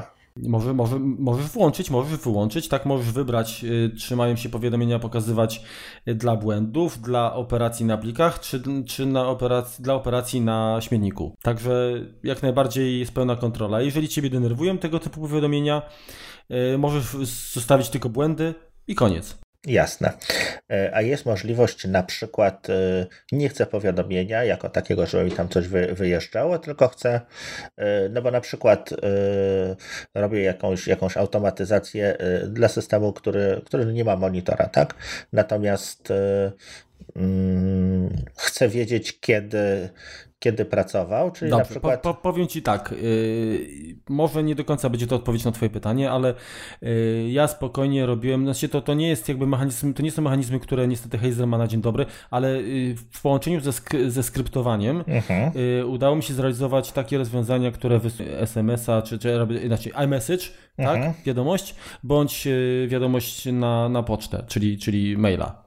Jeżeli to coś ja się wydarzy to ja to nawet to, aż tyle wtedy... nie chciałem. Chciałem tylko, żeby coś odtworzył Dźwięk? Plik dźwiękowy, tak. A to nie ma problemu, no to wiesz, możesz nawet wykorzystać syntezator systemowy, tak? No Say, tak. Który no, powie, że no, właśnie skopiowałem ci plik, tak? no, tak, tak, jak najbardziej. Także z tym nie ma problemu. To teraz tak powiedz mi jeszcze, czy. Bo ja akurat tak jak, tak jak ustaliliśmy z JavaScriptem, no to tam mamy jakiś taki love-hate love relation ze sobą. Natomiast e, ja się lubię z takim językiem jak PHP. E, dla wielu jest to straszne barachła, a ja akurat go lubię e, czy on natywnego wsparcia nie ma do Natywnego do nie, natomiast myślę, że można tam, nie wiem... No przez, jeżeli mamy shella, no to mamy, możemy tak, wszystko no. wywołać, no tak, jasne, czyli ewentualnie mogę się e, bo tutaj jakby tego trochę rąbka tajemnicy, dużo rzeczy, które nam się dzieje automatycznie, jeżeli chodzi o podcast e, związany czy, czy z feedem, czy, czy z produkcją, no, no jest troszeczkę oparte na PHP. I właśnie mhm. myślałem, czy mógłbym to w jakiś tam sposób zautomatyzować, na zasadzie, jeśli poprawiam opis odcinka, który jest tam w jakimś pliku tekstowym, to automatycznie on mi się, znaczy generuje feed i, i wysyła na serwer. To jest do mm, zrobienia pewnie. No Myślę, bo... że jest do zrobienia. Jeżeli chodzi o nazwy, to powiem Ci, że ja y, sporo, sporo tutaj rzeczy takich robiłem. W sumie nawet czasami takich, jakby to powiedzieć, sztuka dla sztuki, tak? Mhm. po prostu byłem ciekaw, czy da się to zrobić i, i, i, i o to mi chodziło. Weź popsuć po prostu. Tak, tak, byłem ciekaw po prostu, czy, czy gdzieś tam jakby ja polegnę, bo mhm. co do aplikacji to raczej myślę, że ona dużo, jest dużo mądrzejsza ode mnie. Natomiast y, starałem się jakby sprawdzić na, na, na ile ja, ja potrafię z niej skorzystać i zmiana nazewnictwa według powiedzmy zawartości pliku, czyli na przykład nie wiem, dostaniemy fakturę i, mhm. i, mamy y, w niej numer i chcemy powiedzmy, ta, ta, normalnie ta faktura to ona y, najczęściej jest opisana w taki sposób, że my... Takie krzaczki, no. Tak, albo użyć Quick Looka, albo nie wiem, otworzyć właśnie w, w podglądzie, mhm. bo po prostu nic nam to nie mówi. A chce, chcielibyśmy wiedzieć właśnie, czy to jest, nie wiem, faktura z jakiegoś od operatora komórkowego, mhm. czy, czy od energetyki i tak dalej, to jak najbardziej y, mamy możliwość, y, mamy takie mechanizmy w Hazelu, które pozwalają tak zmienić nazwę, że będzie zawierała na przykład y, faktura, y, plik y, będzie się mhm. nazywał w tym momencie, nie wiem, powiedzmy tam ENEA, numer faktury i data jeszcze, albo data płatności. Także Jasne. To jest, to jest naprawdę potężne narzędzie. A to fajnie, to bardzo fajnie. Ale on to musi być y, dla skanu to nie zadziała, tak? Czyli on OCR-a nie ma w sobie. Wiesz Muszą to, to spiąć pewnie tak, z czymś, żeby. Mm, in, inaczej to zależy o czym mówimy, bo zobacz, bo jeżeli, inaczej, je, jeżeli jesteś w stanie, dowolny skan jest, jest zrobiony w takiej, w takiej formie, że ty jesteś w stanie, e, jak otworzysz taki dokument, e, zaznaczyć myszką tak. tekst, to zadziała. Rozumiem, czyli, ale to jest skan, skan, który ma już OCR zrobiony, tak? Czyli, tak, bo część skanerów, mhm. nawet takich tam stacjonarnych, tak, czy, czy popularnych kserografów, które, które mają funkcję skanowania, mają również E, dodają niewidoczną warstwę tekstową, e, mhm. która służy właśnie do indeksowania, czy do, do właśnie kopiowania, kopiowania tego tekstu. No ale tak, no to w tym momencie by trzeba było najpierw taki dokument e, wrzucić do, do jakiegoś Abifine Expressa, czy czegokolwiek, co, co potrafi dodać tą warstwę, nawet to będzie PDF Pena. Pewnie nawet prościej by było zautomatyzować to i, i dopiero później, później w tym wyszukiwać. No to ciekawe, ciekawe y, jakby zastosowanie. No coraz bardziej mnie zainteresowałeś tym, tym programem.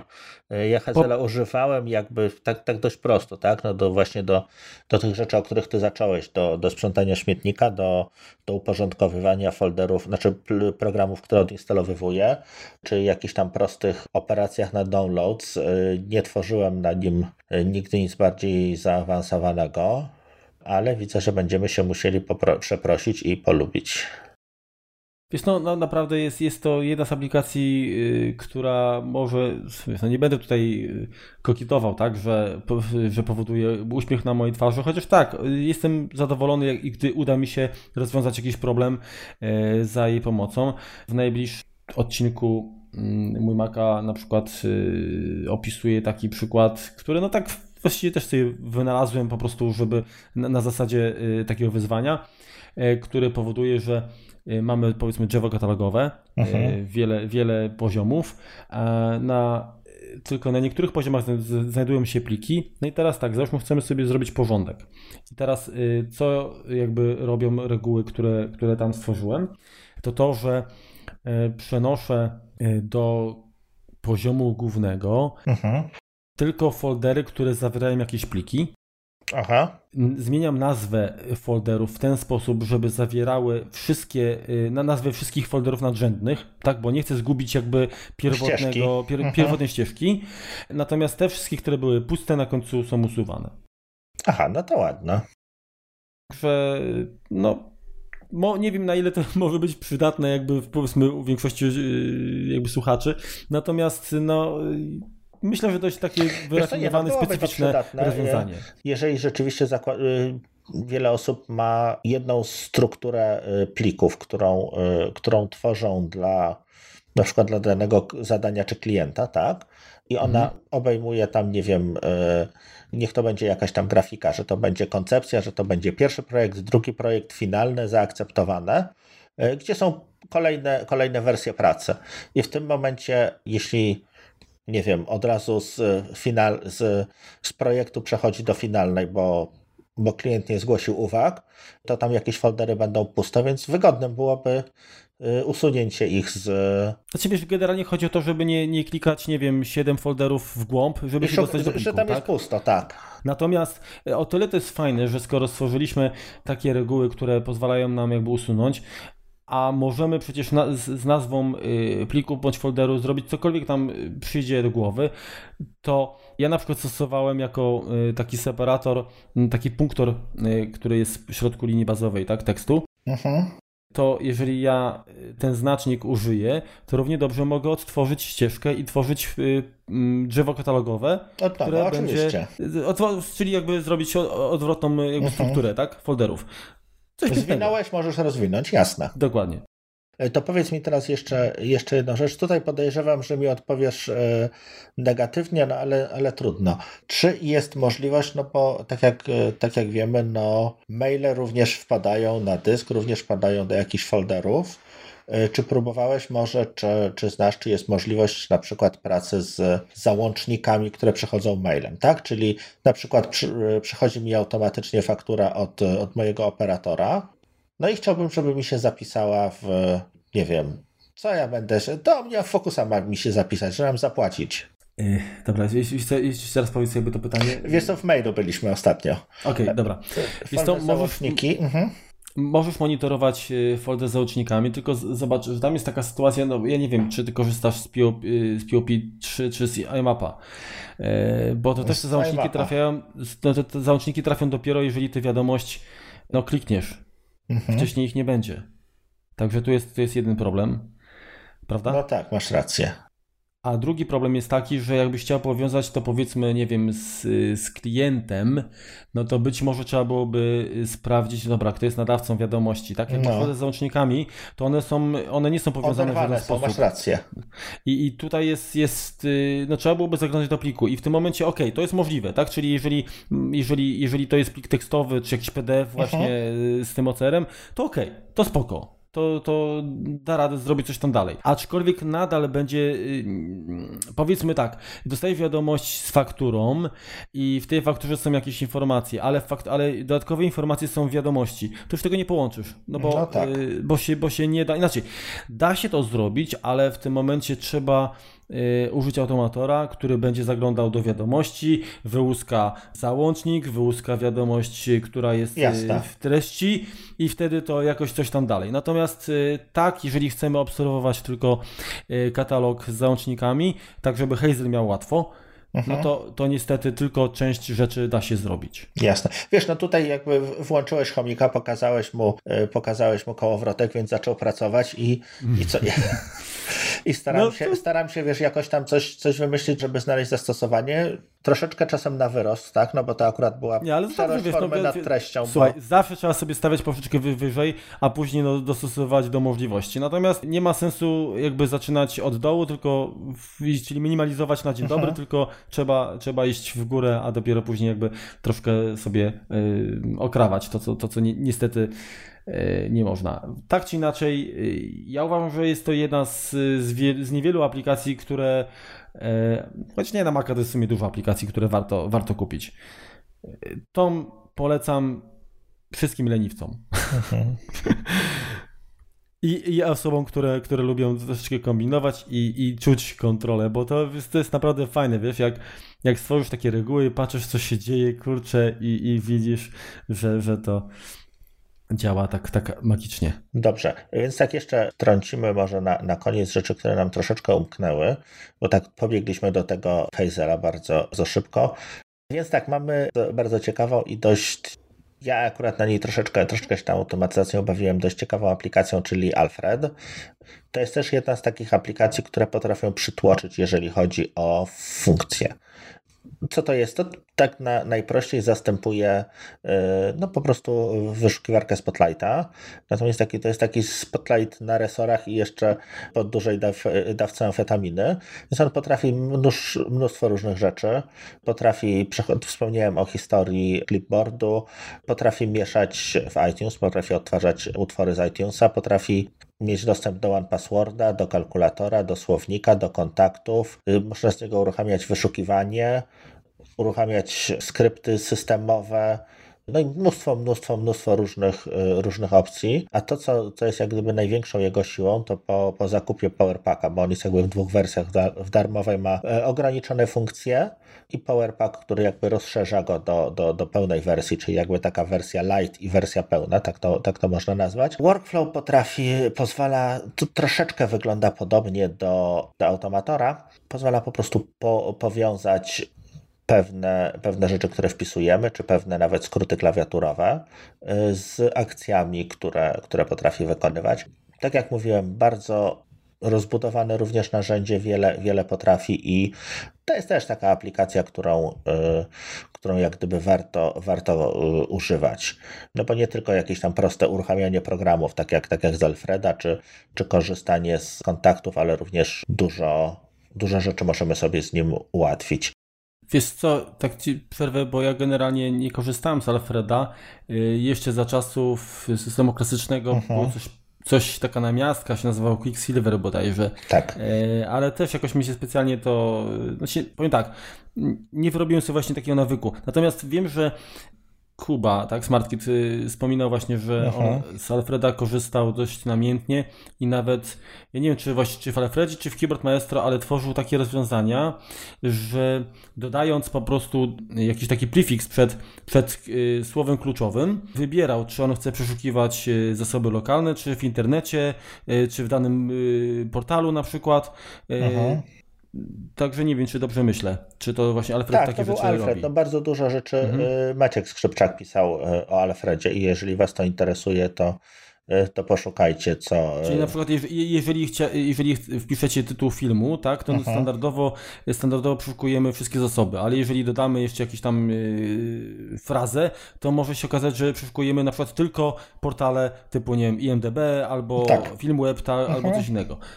Mhm no to faktycznie y, przyspiesza na pewno i, i, usprawnia, ale też trzeba, trzeba powiedzmy tam jakby stworzyć najpierw taki jakiś y, szablon, tak? Czy, no tak, no trzeba jakby z tego, z tego Alfreda jakby te, te funkcje, czy, czy aplikacje, czy te właśnie przepływy, workflowy wy, wywoływać po prostu. I drugim takim programikiem, o którym wspominaliśmy wcześniej, a, a tym razem nam gdzieś uciekł, był, jest PopClip, y, którym też możemy sobie automatyzować zastępowanie pewne tekstu, czy czy no to, tak. co, to, co mamy w menu kontekstowym. Pamiętam, jak wspominałeś na przykład, że usuwasz formatowanie z tekstu tak. za pomocą właśnie tego. Mhm. No to, to rzeczywiście. To jest też jakaś tam prosta rzecz. automatyzacja, natomiast. Czy powiedzmy nie usuwanie podwójnych spacji, tak? Bo myślę, że to też można zrealizować. Dokładnie, nie? tak, tak, tak. Mhm. No i też, co powinniśmy wspomnieć, y, przy okazji automatora, to mamy w jeżeli zaznaczymy jakiś tekst, czy w danej nawet w każdej, w każdej właściwie aplikacji, mamy menu y, Services, mhm. gdzie możemy sobie właśnie wywołać, y, czy dodać do tego y, nasze skrypty stworzone właśnie przy pomocy automatora, czyli na przykład, nie wiem, automatycznie dorzucić daną, daną frazę do do jakiegoś tam OmniFocusa, czy, czy dodać, e, domyślnie nawet jest dodawanie zaznaczonego tekstu jako przeczytany tym syntezatorem e, systemowym i dodawanie go do iTunesa. Elegancko. Ja, ja Poplipa mam i chyba się z nim, że tak powiem, przeproszę, bo jakoś, no mówię, to też było na zasadzie zakupu takiego pod, e, jakby, jak to się mówi, impuls chwili, tak? Mhm. E, a później gdzieś tam to zaległo i, i, i no, pewnie trzeba będzie wrócić.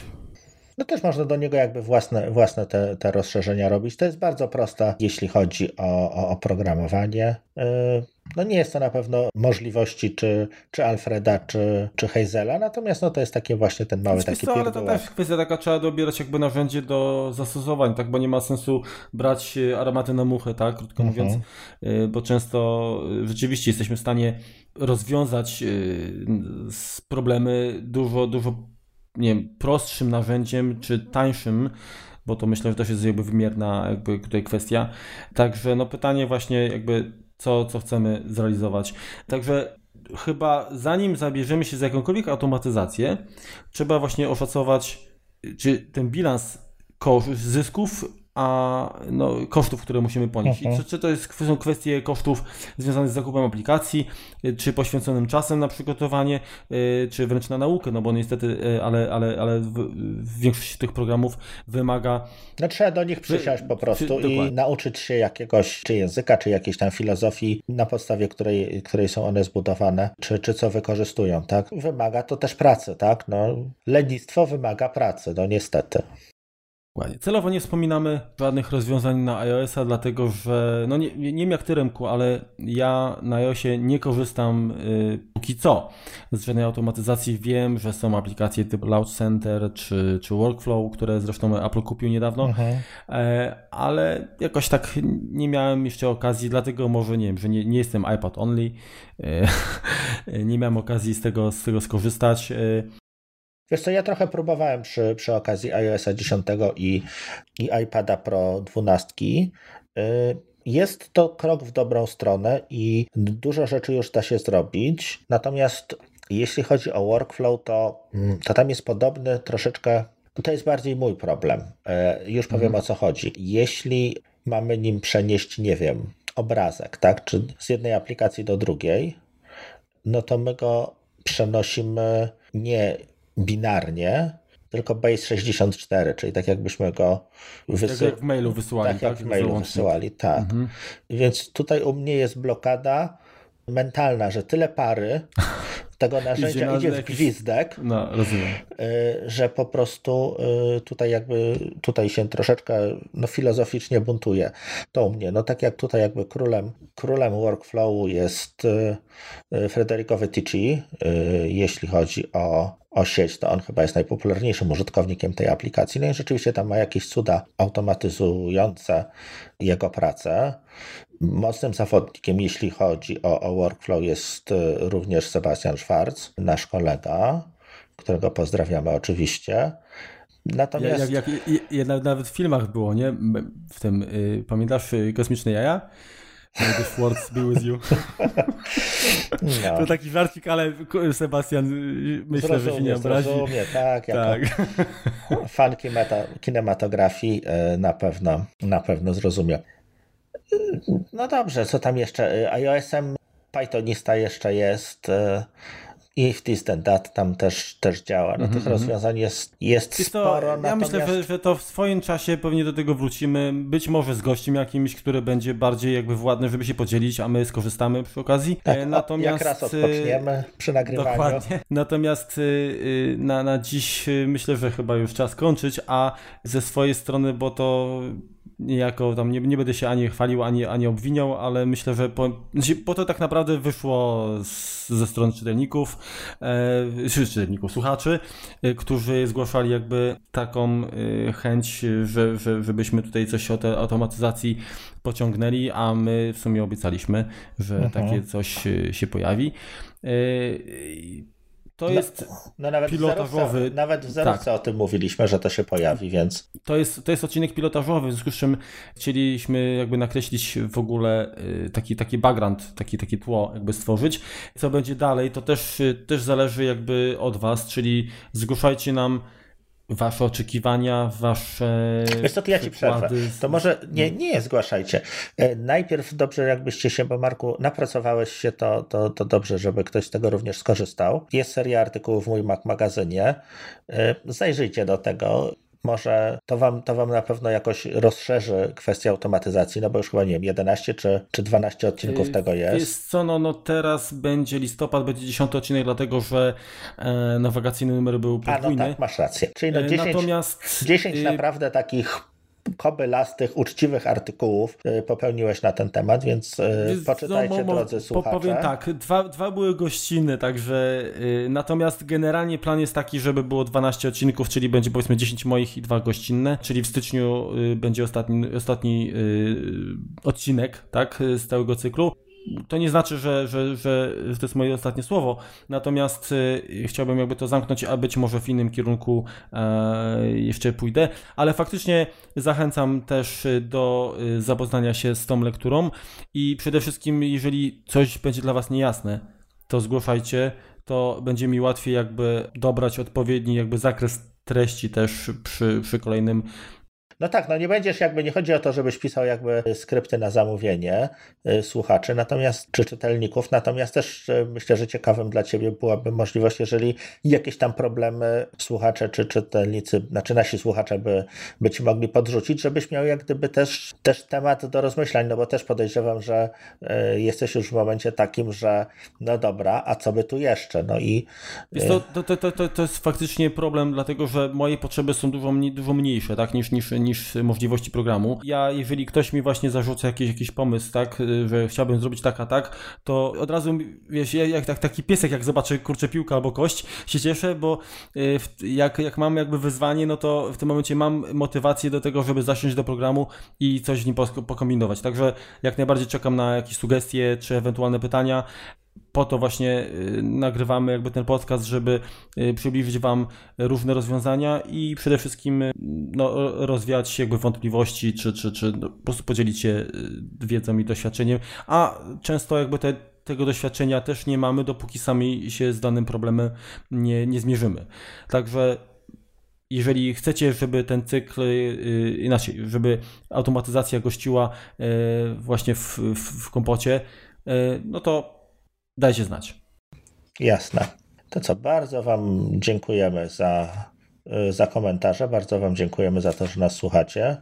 Wymęczyliśmy Was dzisiaj bardzo długo. No to jest chyba najdłuższy odcinek y, w historii, tak? Jak na razie. Jak na razie wyjdzie. tak. Nawet jak się zobaczymy wpadki, to...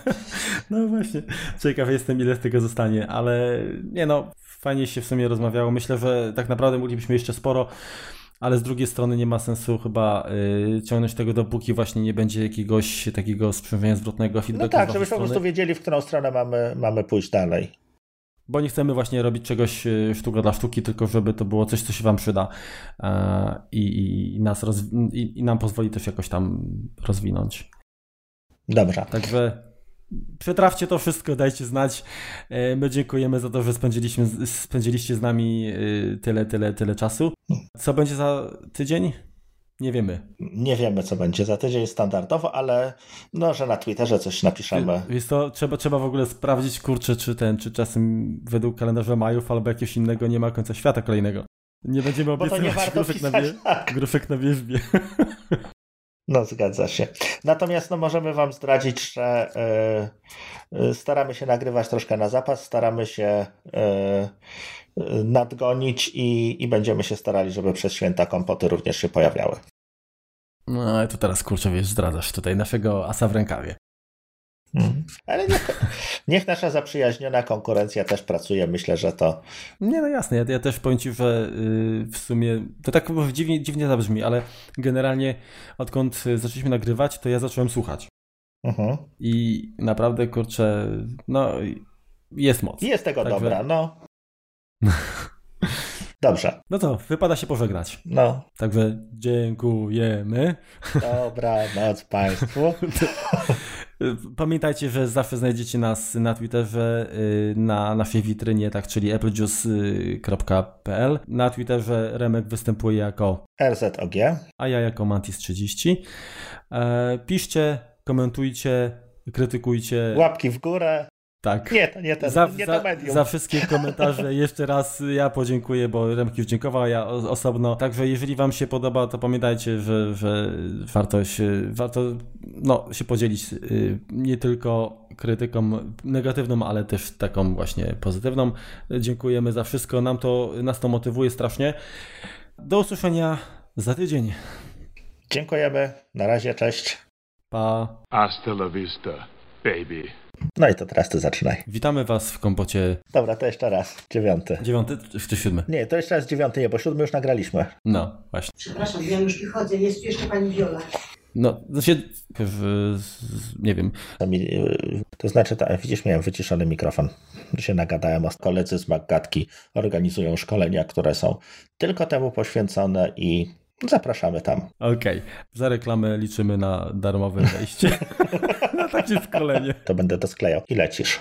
Kurde, czekaj. Muszę, muszę odebrać. Dobrze. Czyli mm, czy też yy, z, z, ja to wytnę wszystko teraz, to, to się nie przejmuj. I, przepraszam, yy, jako taki niech to będzie yy, na przykład taka, mamy yy, jeszcze raz. Znaczy, jeżeli nie Na- jesteśmy Edwardem Snowdenem, czy, Mhm. czy kimś te, tego ty, o, czy Edward, E, kurde, szukam tego słowa. Zaraz znajdę. Wytniesz ciszę, będzie dobrze. Przepraszam. A, czyli tak, o. Y, masz jakieś pytania? nie, mam odkurzacz. Poczekamy. Żwawo. Rącze jelenie. No, tak, teraz będzie nas opisywać na Twitterze rącze jelenie. Lepiej, lepiej być jeleniami niż łosiami, nie? Co prawda, to prawda. Dwie godziny 45 minut. Cholera jasna. I'll be back.